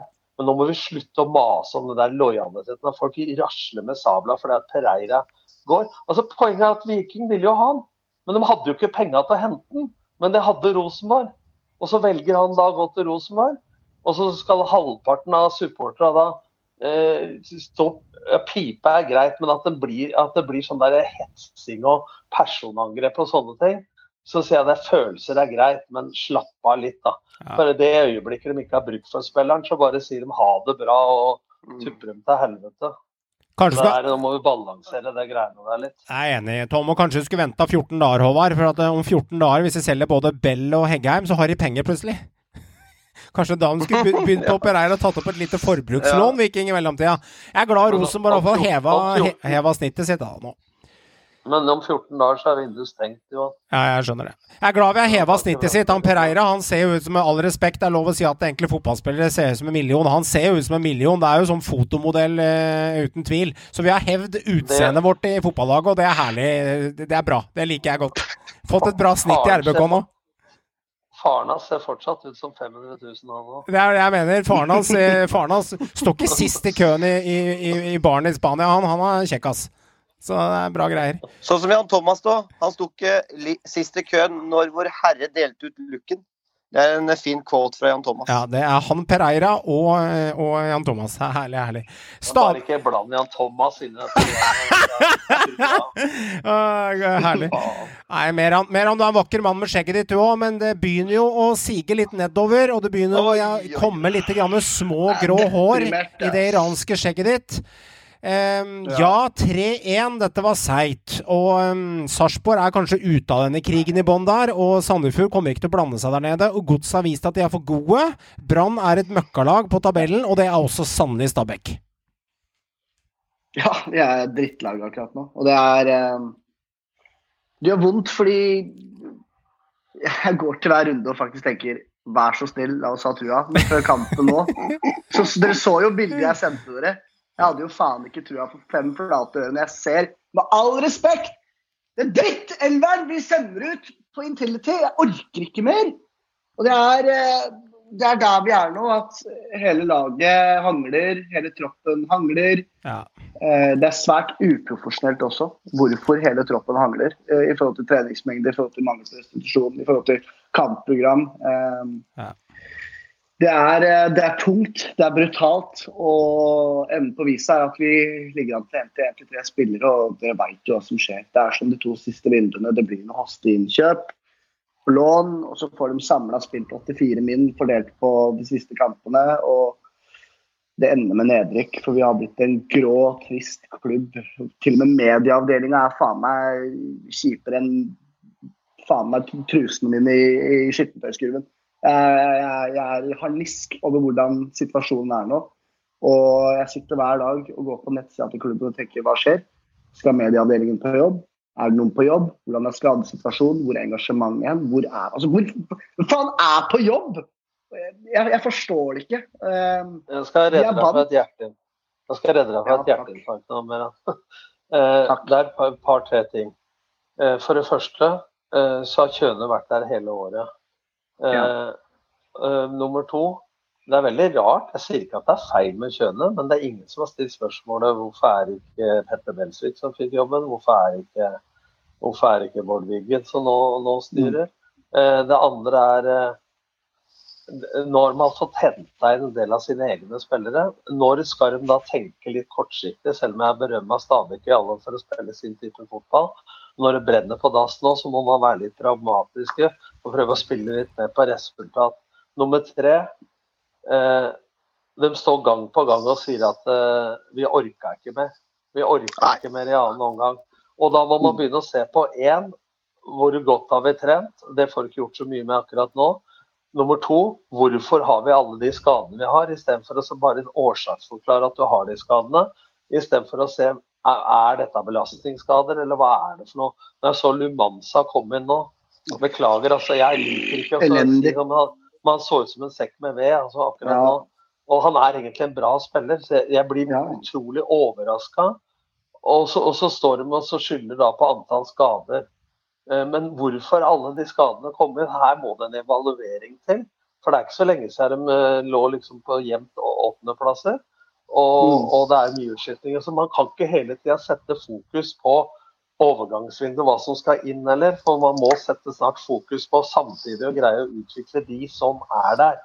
Men for meg så blir det litt for mye like spilletyper som dytter kule. Eh, Jeg syns Høyland er en god signering, men nå må de eh, klare å ha to tanker i huet samtidig. Men nå faktisk bare én, og det er å redde det laget. Nå må de kanskje kaste litt av filosofien over bord, altså. For når vi ser et av måla som kommer på Intility og på liv og og skal miste ballen utenfor egen 16-meter Ja, Du må legge feil. bort all den risikogreiene nå. Og Mm. nå kan du ikke tenke utvikling, nå må du tenke redd den plassen. Og så kan du begynne å tenke annerledes etter sesongen. Ja, jeg er helt enig. og Før sesongen så henta vi inn bl.a. en mental trener og en fysisk trener for å være bedre rusta for sesongen. Og det er jo Spørsmålet mitt til deg, Krog, for du ser ut som et spørsmålstegn. Ser det ut som jeg er bedre rusta? Absolutt ikke. Og hvor er identiteten?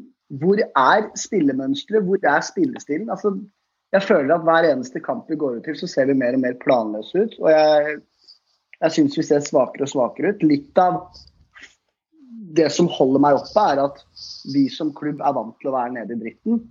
Men den gjengen her er ikke vant til det. For den gjengen her har klart å lene seg på to åttendeplasser de to siste åra. Kost seg med det og vært fint å være middelhavsfarer. Nå er vi i dritten igjen. Er vi forberedt på det? Det ser ikke sånn ut. Og jeg lurer på hva Apropos sekk med det, hva skjer med Kirkevold? Jeg har til gode å se han egentlig prestere en dritt siden den ene mållinjen han hadde til Edvardsen. Uh, Asemi han fikk vel egentlig bare spille fordi vi ikke hadde noen andre å kaste inn på. Så, men jeg er enig. Nå må Bjarman på jobb. Dette vinduet som kommer nå, eller som er nå, som er igjen to da, én dag igjen da. Skjer det ikke noe magisk som jeg tviler på, så tror jeg vi rykker retten. Jeg tror vi rykker retten. Men bare en liten kommentar før over. Jeg mener at det er mer et kollektivt anliggende enn Ja, ja. en, eh, en håp at en eller annen redningsmann av en enkeltspiller skal, skal, skal komme inn. Altså, for eh, Kollektiv er ikke du- godt nok heller. Her må du ja, men du må i hvert fall sørge for at det er såpass struktur da, at, du, eh, at du skjuler de der ferdighetene som du mangler. Å begynne å snakke om eh, mental trening og trening de skulle gjort før sesongen, og så ble det som det ble med covid, og så har det bomma kanskje. Kanskje Belsvik skulle hatt det, kanskje Kjøne skulle hatt det. Kanskje de skulle sitte med Jannefar, kanskje de ikke skulle gjort det. Det ble veldig mye kanskje og eh, hva jeg skulle gjort og ikke skulle gjøre. De må i hvert fall kanskje gjøre som Tom sier, da. Ta en liten samling i bånn der og si at gutta, skal vi spille Obos neste år, så er det bare å kaste en håndkle, for da kan vi gi opp nå. Eller så må vi Ta gjøre en fest da, i garderoben. Ja, altså, gjør men noe. de, de må Jeg, jeg, men, men jeg føler faktisk at jeg har litt bakgrunn i sånne situasjoner de har i. Der har jeg kanskje vært flest ganger. Ja, det var derfor kanskje jeg lente meg litt på det du sa der, ja. At uh, Ja. de må gjøre noe med det der, der og da. Men, men, men jeg må innrømme det jeg reagerer aller mest på. Det er faktisk det kjønene sier da igjen og igjen. Vi orker ikke, vi er ikke godt nok trent. Hva i helvete er det de driver drive med år da? i De har vært der, han har vært der i hele året sjøl. Mm. Altså, trener de ikke? Hva er det de gjør på feltet? Det skjønner jeg ikke. Eh, en liten positiv greie da, var at i hvert fall Mattis Bolli kommer inn og skårer. og han har i hvert fall fart i beina, i det minste. Ja. Men om han holder seg skadefri, det er en helt annen sak. Men lederskapet La oss si da at fakta er at laget er dårlig trent. Hva er det du vil oppnå? Signaleffekt. Hva er det du sier? Når du snakker i media, så snakker treneren til supporterne sine, styret sitt, spillerne sine. At du står der og sier at vi orker ikke og er for dårlig trent. Jeg har tatt over lag altså, som er så ræva trent at du aner ikke uten å nevne navn. Men, men det går an faktisk å prate dem bedre trent enn den er, og det går an å skjule noe av svakhetene ved å, å strukturere og organisere. Så, så Jeg skjønner ikke hva er det for å redde sin egen ræv, eller hva er det for noe når man står og konstaterer Altså Blir det bedre å konstatere hva som er for dårlig? Det kan du gjøre internt. Og så kan, Mm. Du må snakke da hva du kan gjøre med ting. Altså Mitt første råd er aksepter nå-situasjonen. Dem er i bånn.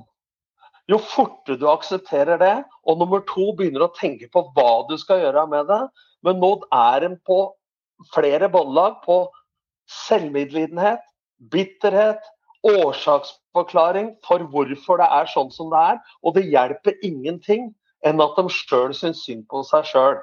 Istedenfor å tenke dette er nå situasjonen, hva er det vi kan gjøre noe med? ABC, ABC. Helt enig. Det er eneste melodien. Og kast alt annet over bord.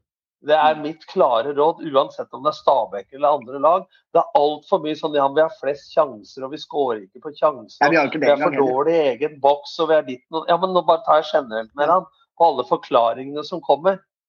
Altså, mora mi kan kunne, når jeg levde, se at du slipper inn eh, for mange mål. Ikke sant? Å konstatere hva som er dårlig, krever nesten ingen kunnskap. Men det krever kunnskap om hva, hvordan og hvorfor. Ikke sant? Og der må fokuset være Det kan godt hende de gjør det, men nå ser jeg det fra utsida.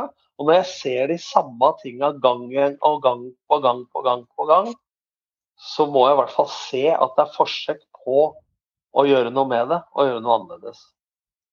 Amen. Det der, det, er- det, Amen. Jeg er helt enig. det, dette likte jeg, altså. Som Narvestad ville ha sagt. Dette likte jeg. Dette var herlig, Tom. Det var fantastisk. Det bør, ikke være enig, men det var i hvert fall konkret. Ja, men det var Ja, inspirerende. men ring Men, men, men når, du sier, når du sier Tom, når Kjørne prøver å fremstille seg sjøl bedre, eller hva han gjør, men han kaster jo egentlig seg sjøl på bålet, tenker jeg da litt. For han, han innrømmer jo vi er for dårlig trent. Han har vært der i hele år sjøl. Ja. Han pisser meg som supporter i trynet òg. Så det er jo litt spesielt. Får vi la det spørsmålet henge i luften og se om de tar oppfordringen. Det var en uh, veldig fin minirant fra deg, Tom, og den likte jeg veldig godt. I hvert fall én som hadde 100 rett til dette resultatet her, da, på neste rundespådom. Joakim, du spådde Enga 3-1-seier til Merans fortvilelse, og det er tre poeng i bordet, det. Uh, Krog spådde Glimt-seier. Han får ett poeng, bomma på resultat. Meran, du får ett poeng for Haugesund over Brann, og du får ett poeng for Lillestrøm-seier. Håvard, du går blank ut av runden, dessverre.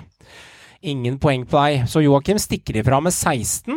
Du er liksom eh, det er, Skal noen putte huslånet sitt og kjerring og unger på noe eh, her, så er det Joakims resultater. For det er 16 poeng på deg. Det er Meran med 14. Det er Johan med 11, og det er Håvard med 9. Så sånn står det til. Det er ikke noe eliteserierunde nå, for nå er det norske landslaget. Joakim har tatt enorme steg i årets sesong. Ikke sant. Det er Det er ikke steg. quiz nå. Eller jo, hadde vi det samme i fjor? Ja, ja, vi hadde det samme i fjor. Eh, det Da var jo dårlig. Da var det jeg som vant den, og så tapte jeg fantasyen. Men i år er det snudd på hodet, og quizen er litt på vent i første omgang til vi kommer med en ny versjon der, men her leder du i konken hittil. Norge, Ja, Norge skal ut i tre kamper. Nederland 1.9. på Ullevål. Latvia borte og Gibraltar 7.9. Tom, du kan starte med det norske landslaget. og eh, Hva er det vi trenger i disse tre kampene her, og hva forventer vi? Altså, jeg skal skru de forventningene litt ned, for jeg har like store forventninger foran hver landskap. Ja. Jeg må jo si det nå at eh, Ståle sa noe i pressen i dag at eh, han føler liksom at han ikke har kommet i gang. For han har hatt enormt kort tid og covid og alt med dette laget.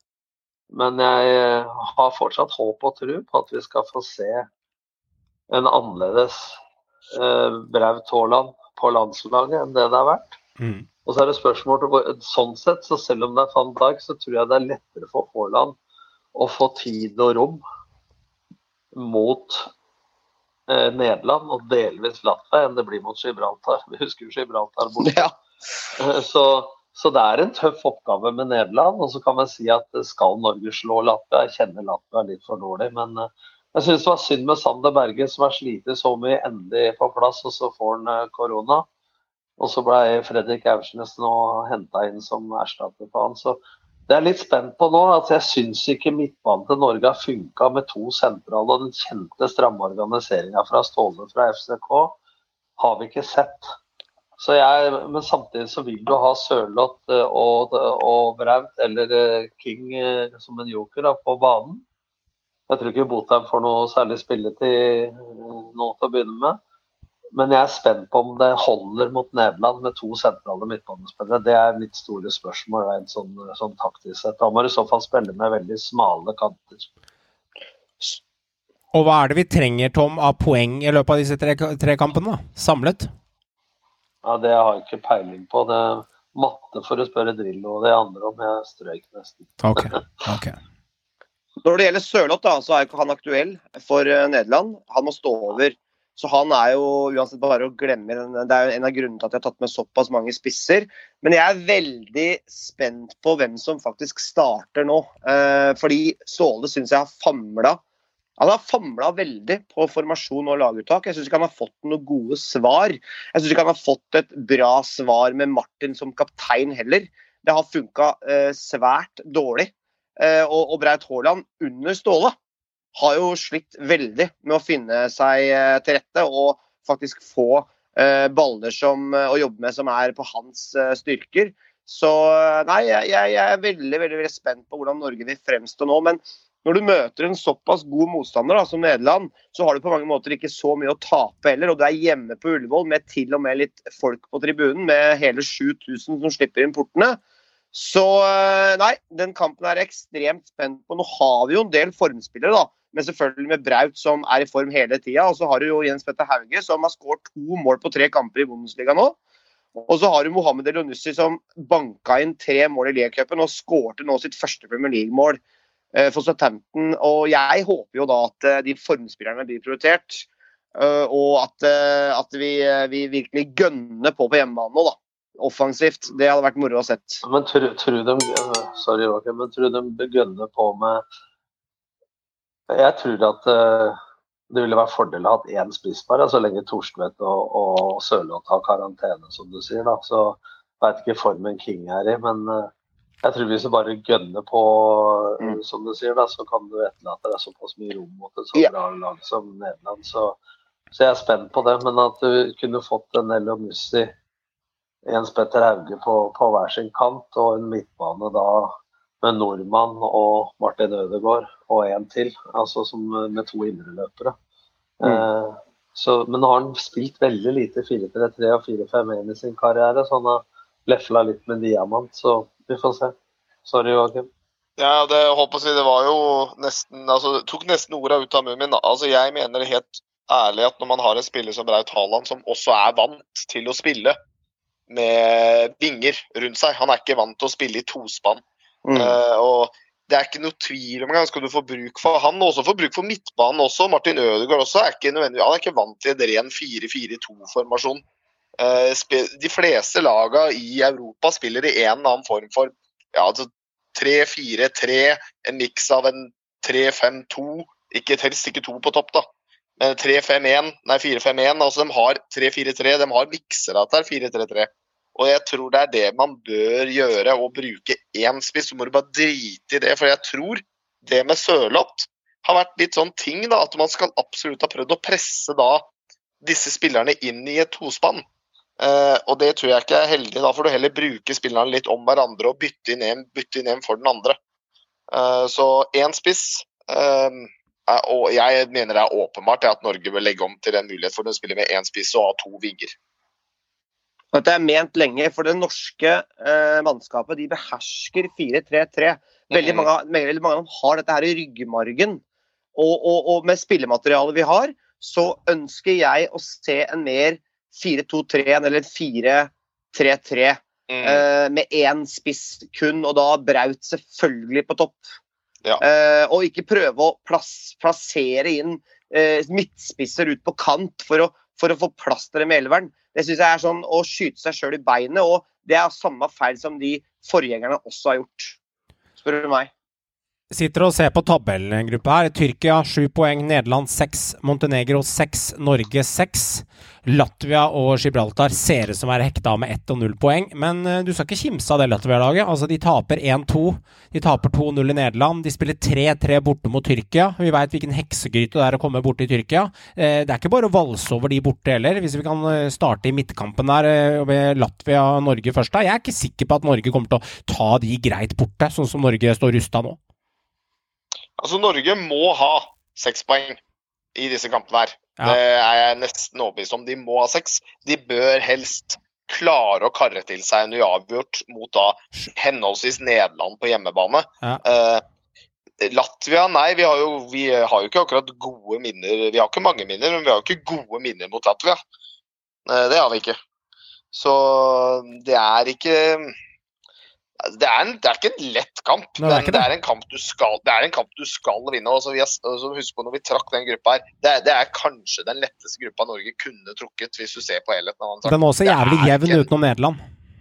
Ja, men det er ikke en vanskelig gruppe. Hvis du har tenkt å komme deg til et er eller annet spill ja, Skal du komme deg til VM, Ja. øh, komme deg til EM, så kan du ikke da kan du ikke ryke på sånne grupper som dette her. Så enkelt er det bare. Da må du slå disse lagene. Altså det, det blir tette, jevne grupper uansett. og det er, jeg er for enig, det er ikke den verste gruppa de kunne trukket. Det er det ikke. Men den eh, virkelig virkelig nøkkelkampen her er jo nettopp Nederland, som vi konkurrerer om, om å klare eventuelt eh, den å være med på første- eller andreplassen, da, som vil gi eh, sluttspill eller kvalik.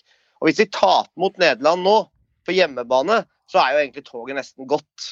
Og Da er holdt jeg på å si, ja, vi slår Latvia eller Gibraltar. Det skal vi slå. Det må vi slå, skal vi være med. Men den nøkkelkampen her er jo nå den førstkommende nå på onsdag mot, mot Nederland på Ullevål. Det blir jo en ekstremt viktig kamp. Man kan klare seg med en uavgjort kanskje og slå de andre to. og Da er man med videre utover høsten. Men hvis det blir tap mot Nederland, så er jo toget nesten gått. Men tusen takk da, regjering og FHI. Nå var det altså 2500 tilskuere inne på Jordal Amfi Innendørs. på en stadion som tar 5003. Forstå det. Det var lov. Det var lov. Men med stadion til 28 000 utendørs, der slipper vi inn sju, for de var så bekymra for transporten til og fra. Men transport ellers, altså til utenlandsreiser, stappa full Gardermoen, Pasku osv. Jeg skjønner ikke logikken eh, i det hele tatt når det gjelder det der. Og jeg, jeg, jeg hørte på Lise Klane, som normalt eh, er veldig rolig, på Dagsnytt 18. Og så den derre utskremte fra fra regjeringa da. Altså, de satt bare og stopper. Altså, det er godt prestisje, dette her. Og, og, og 7000 der, altså Ja, det er helt ufattelig. De, de, det som de har gjort, de har tatt alle under én kam, for de har holdt seg nå til den 7000-regelen som er i Eliteserien. For det er ingen arenaer i Eliteserien som har, kan ha mer enn 7000 på tribunen. Det er maksgrense. 7000.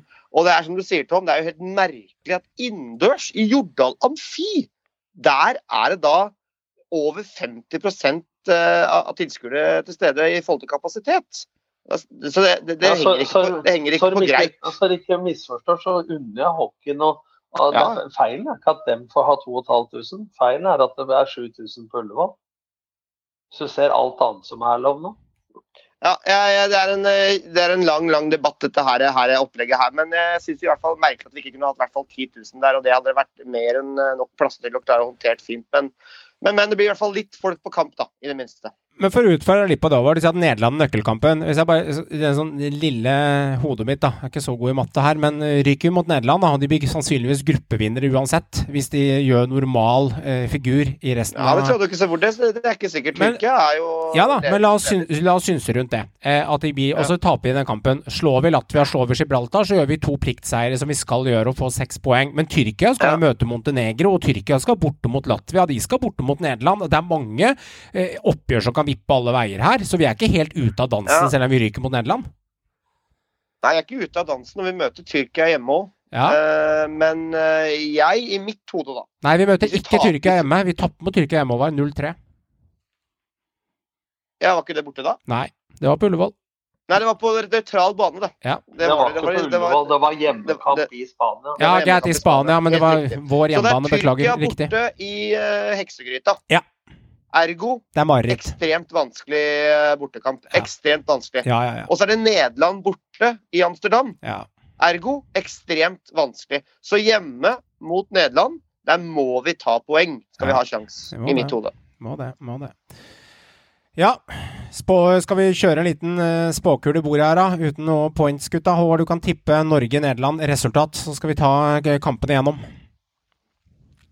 Jeg uh, er gæren og tror at vi vinner 2-1. Jeg spiller, jeg tipper med hjertet. Latvia-Norge, Meran. Uh, litt fra sida der. Uh, du er han stille, søte landslagsgutten vår. Hva tipper du? Nei, må bli seier. 1-2. 1-2 til Norge, og så er det Norge-Gibraltar Norge til slutt. Blir det 11 eller 17-0, eh, Joakim? Altså, jeg, det blir vel 1-0, men uh, det, det, det, det skal bli 6-0, liksom. Altså, så enkelt er det. Det skal være 6-0, men det blir vel Hva, ble- hva 1-0. blei hva ble det 1-0, var det ikke det? 3-0. Ja, det ble 3-0. 3-0. Ja, det tok bare så veldig lang tid før de klarte å 3 skåre mål. eller 4-0. Jeg tror det ble 3. Ja. Nei, det ble, bør bli 6-0. Det blir komplett overkjøring, eh, med helst mer. Okay.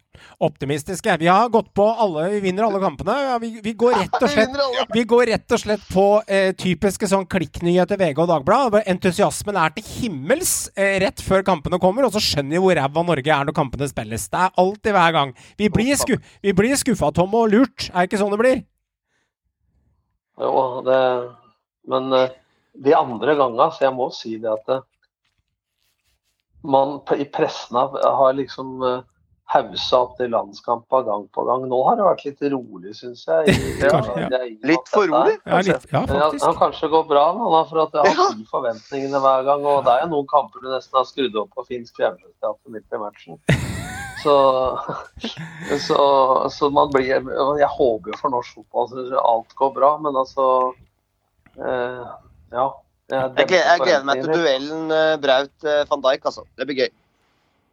Gratulerer, Chris, med nye Pellegrino-sko. Herlig. Send oss gjerne et bilde når du har fått dem på veggen, eller du tar med samboeren eller mora di ut på banen for å spille med dem. Vi vil gjerne se hvordan du køler inn det Pellegrino-målet i borterste vinkel. Det er mange herlige overganger i vente. Alle klubbene har vært på tokt. Noen mangler enda spiss. Hint til Nadderud for at de skal overleve dette her. Og mange som svømmer etter spillere. Noen har 4000 av termos å handle for, og andre har et halvt oljefond. Dagene tikker ned, og det er få dager igjen av overgangsvinduet. Tusen hjertelig takk for at du lytter til Synseligaen. Takk til Eurosport for bruk av lydklipp i denne episoden, og gå inn på Discovery Pluss for å få tilgang til hele Eliteserien der hvor du er. Ha en glimrende uke. Nyt de siste sol solstikkene som kommer mot deg. Hei så lenge.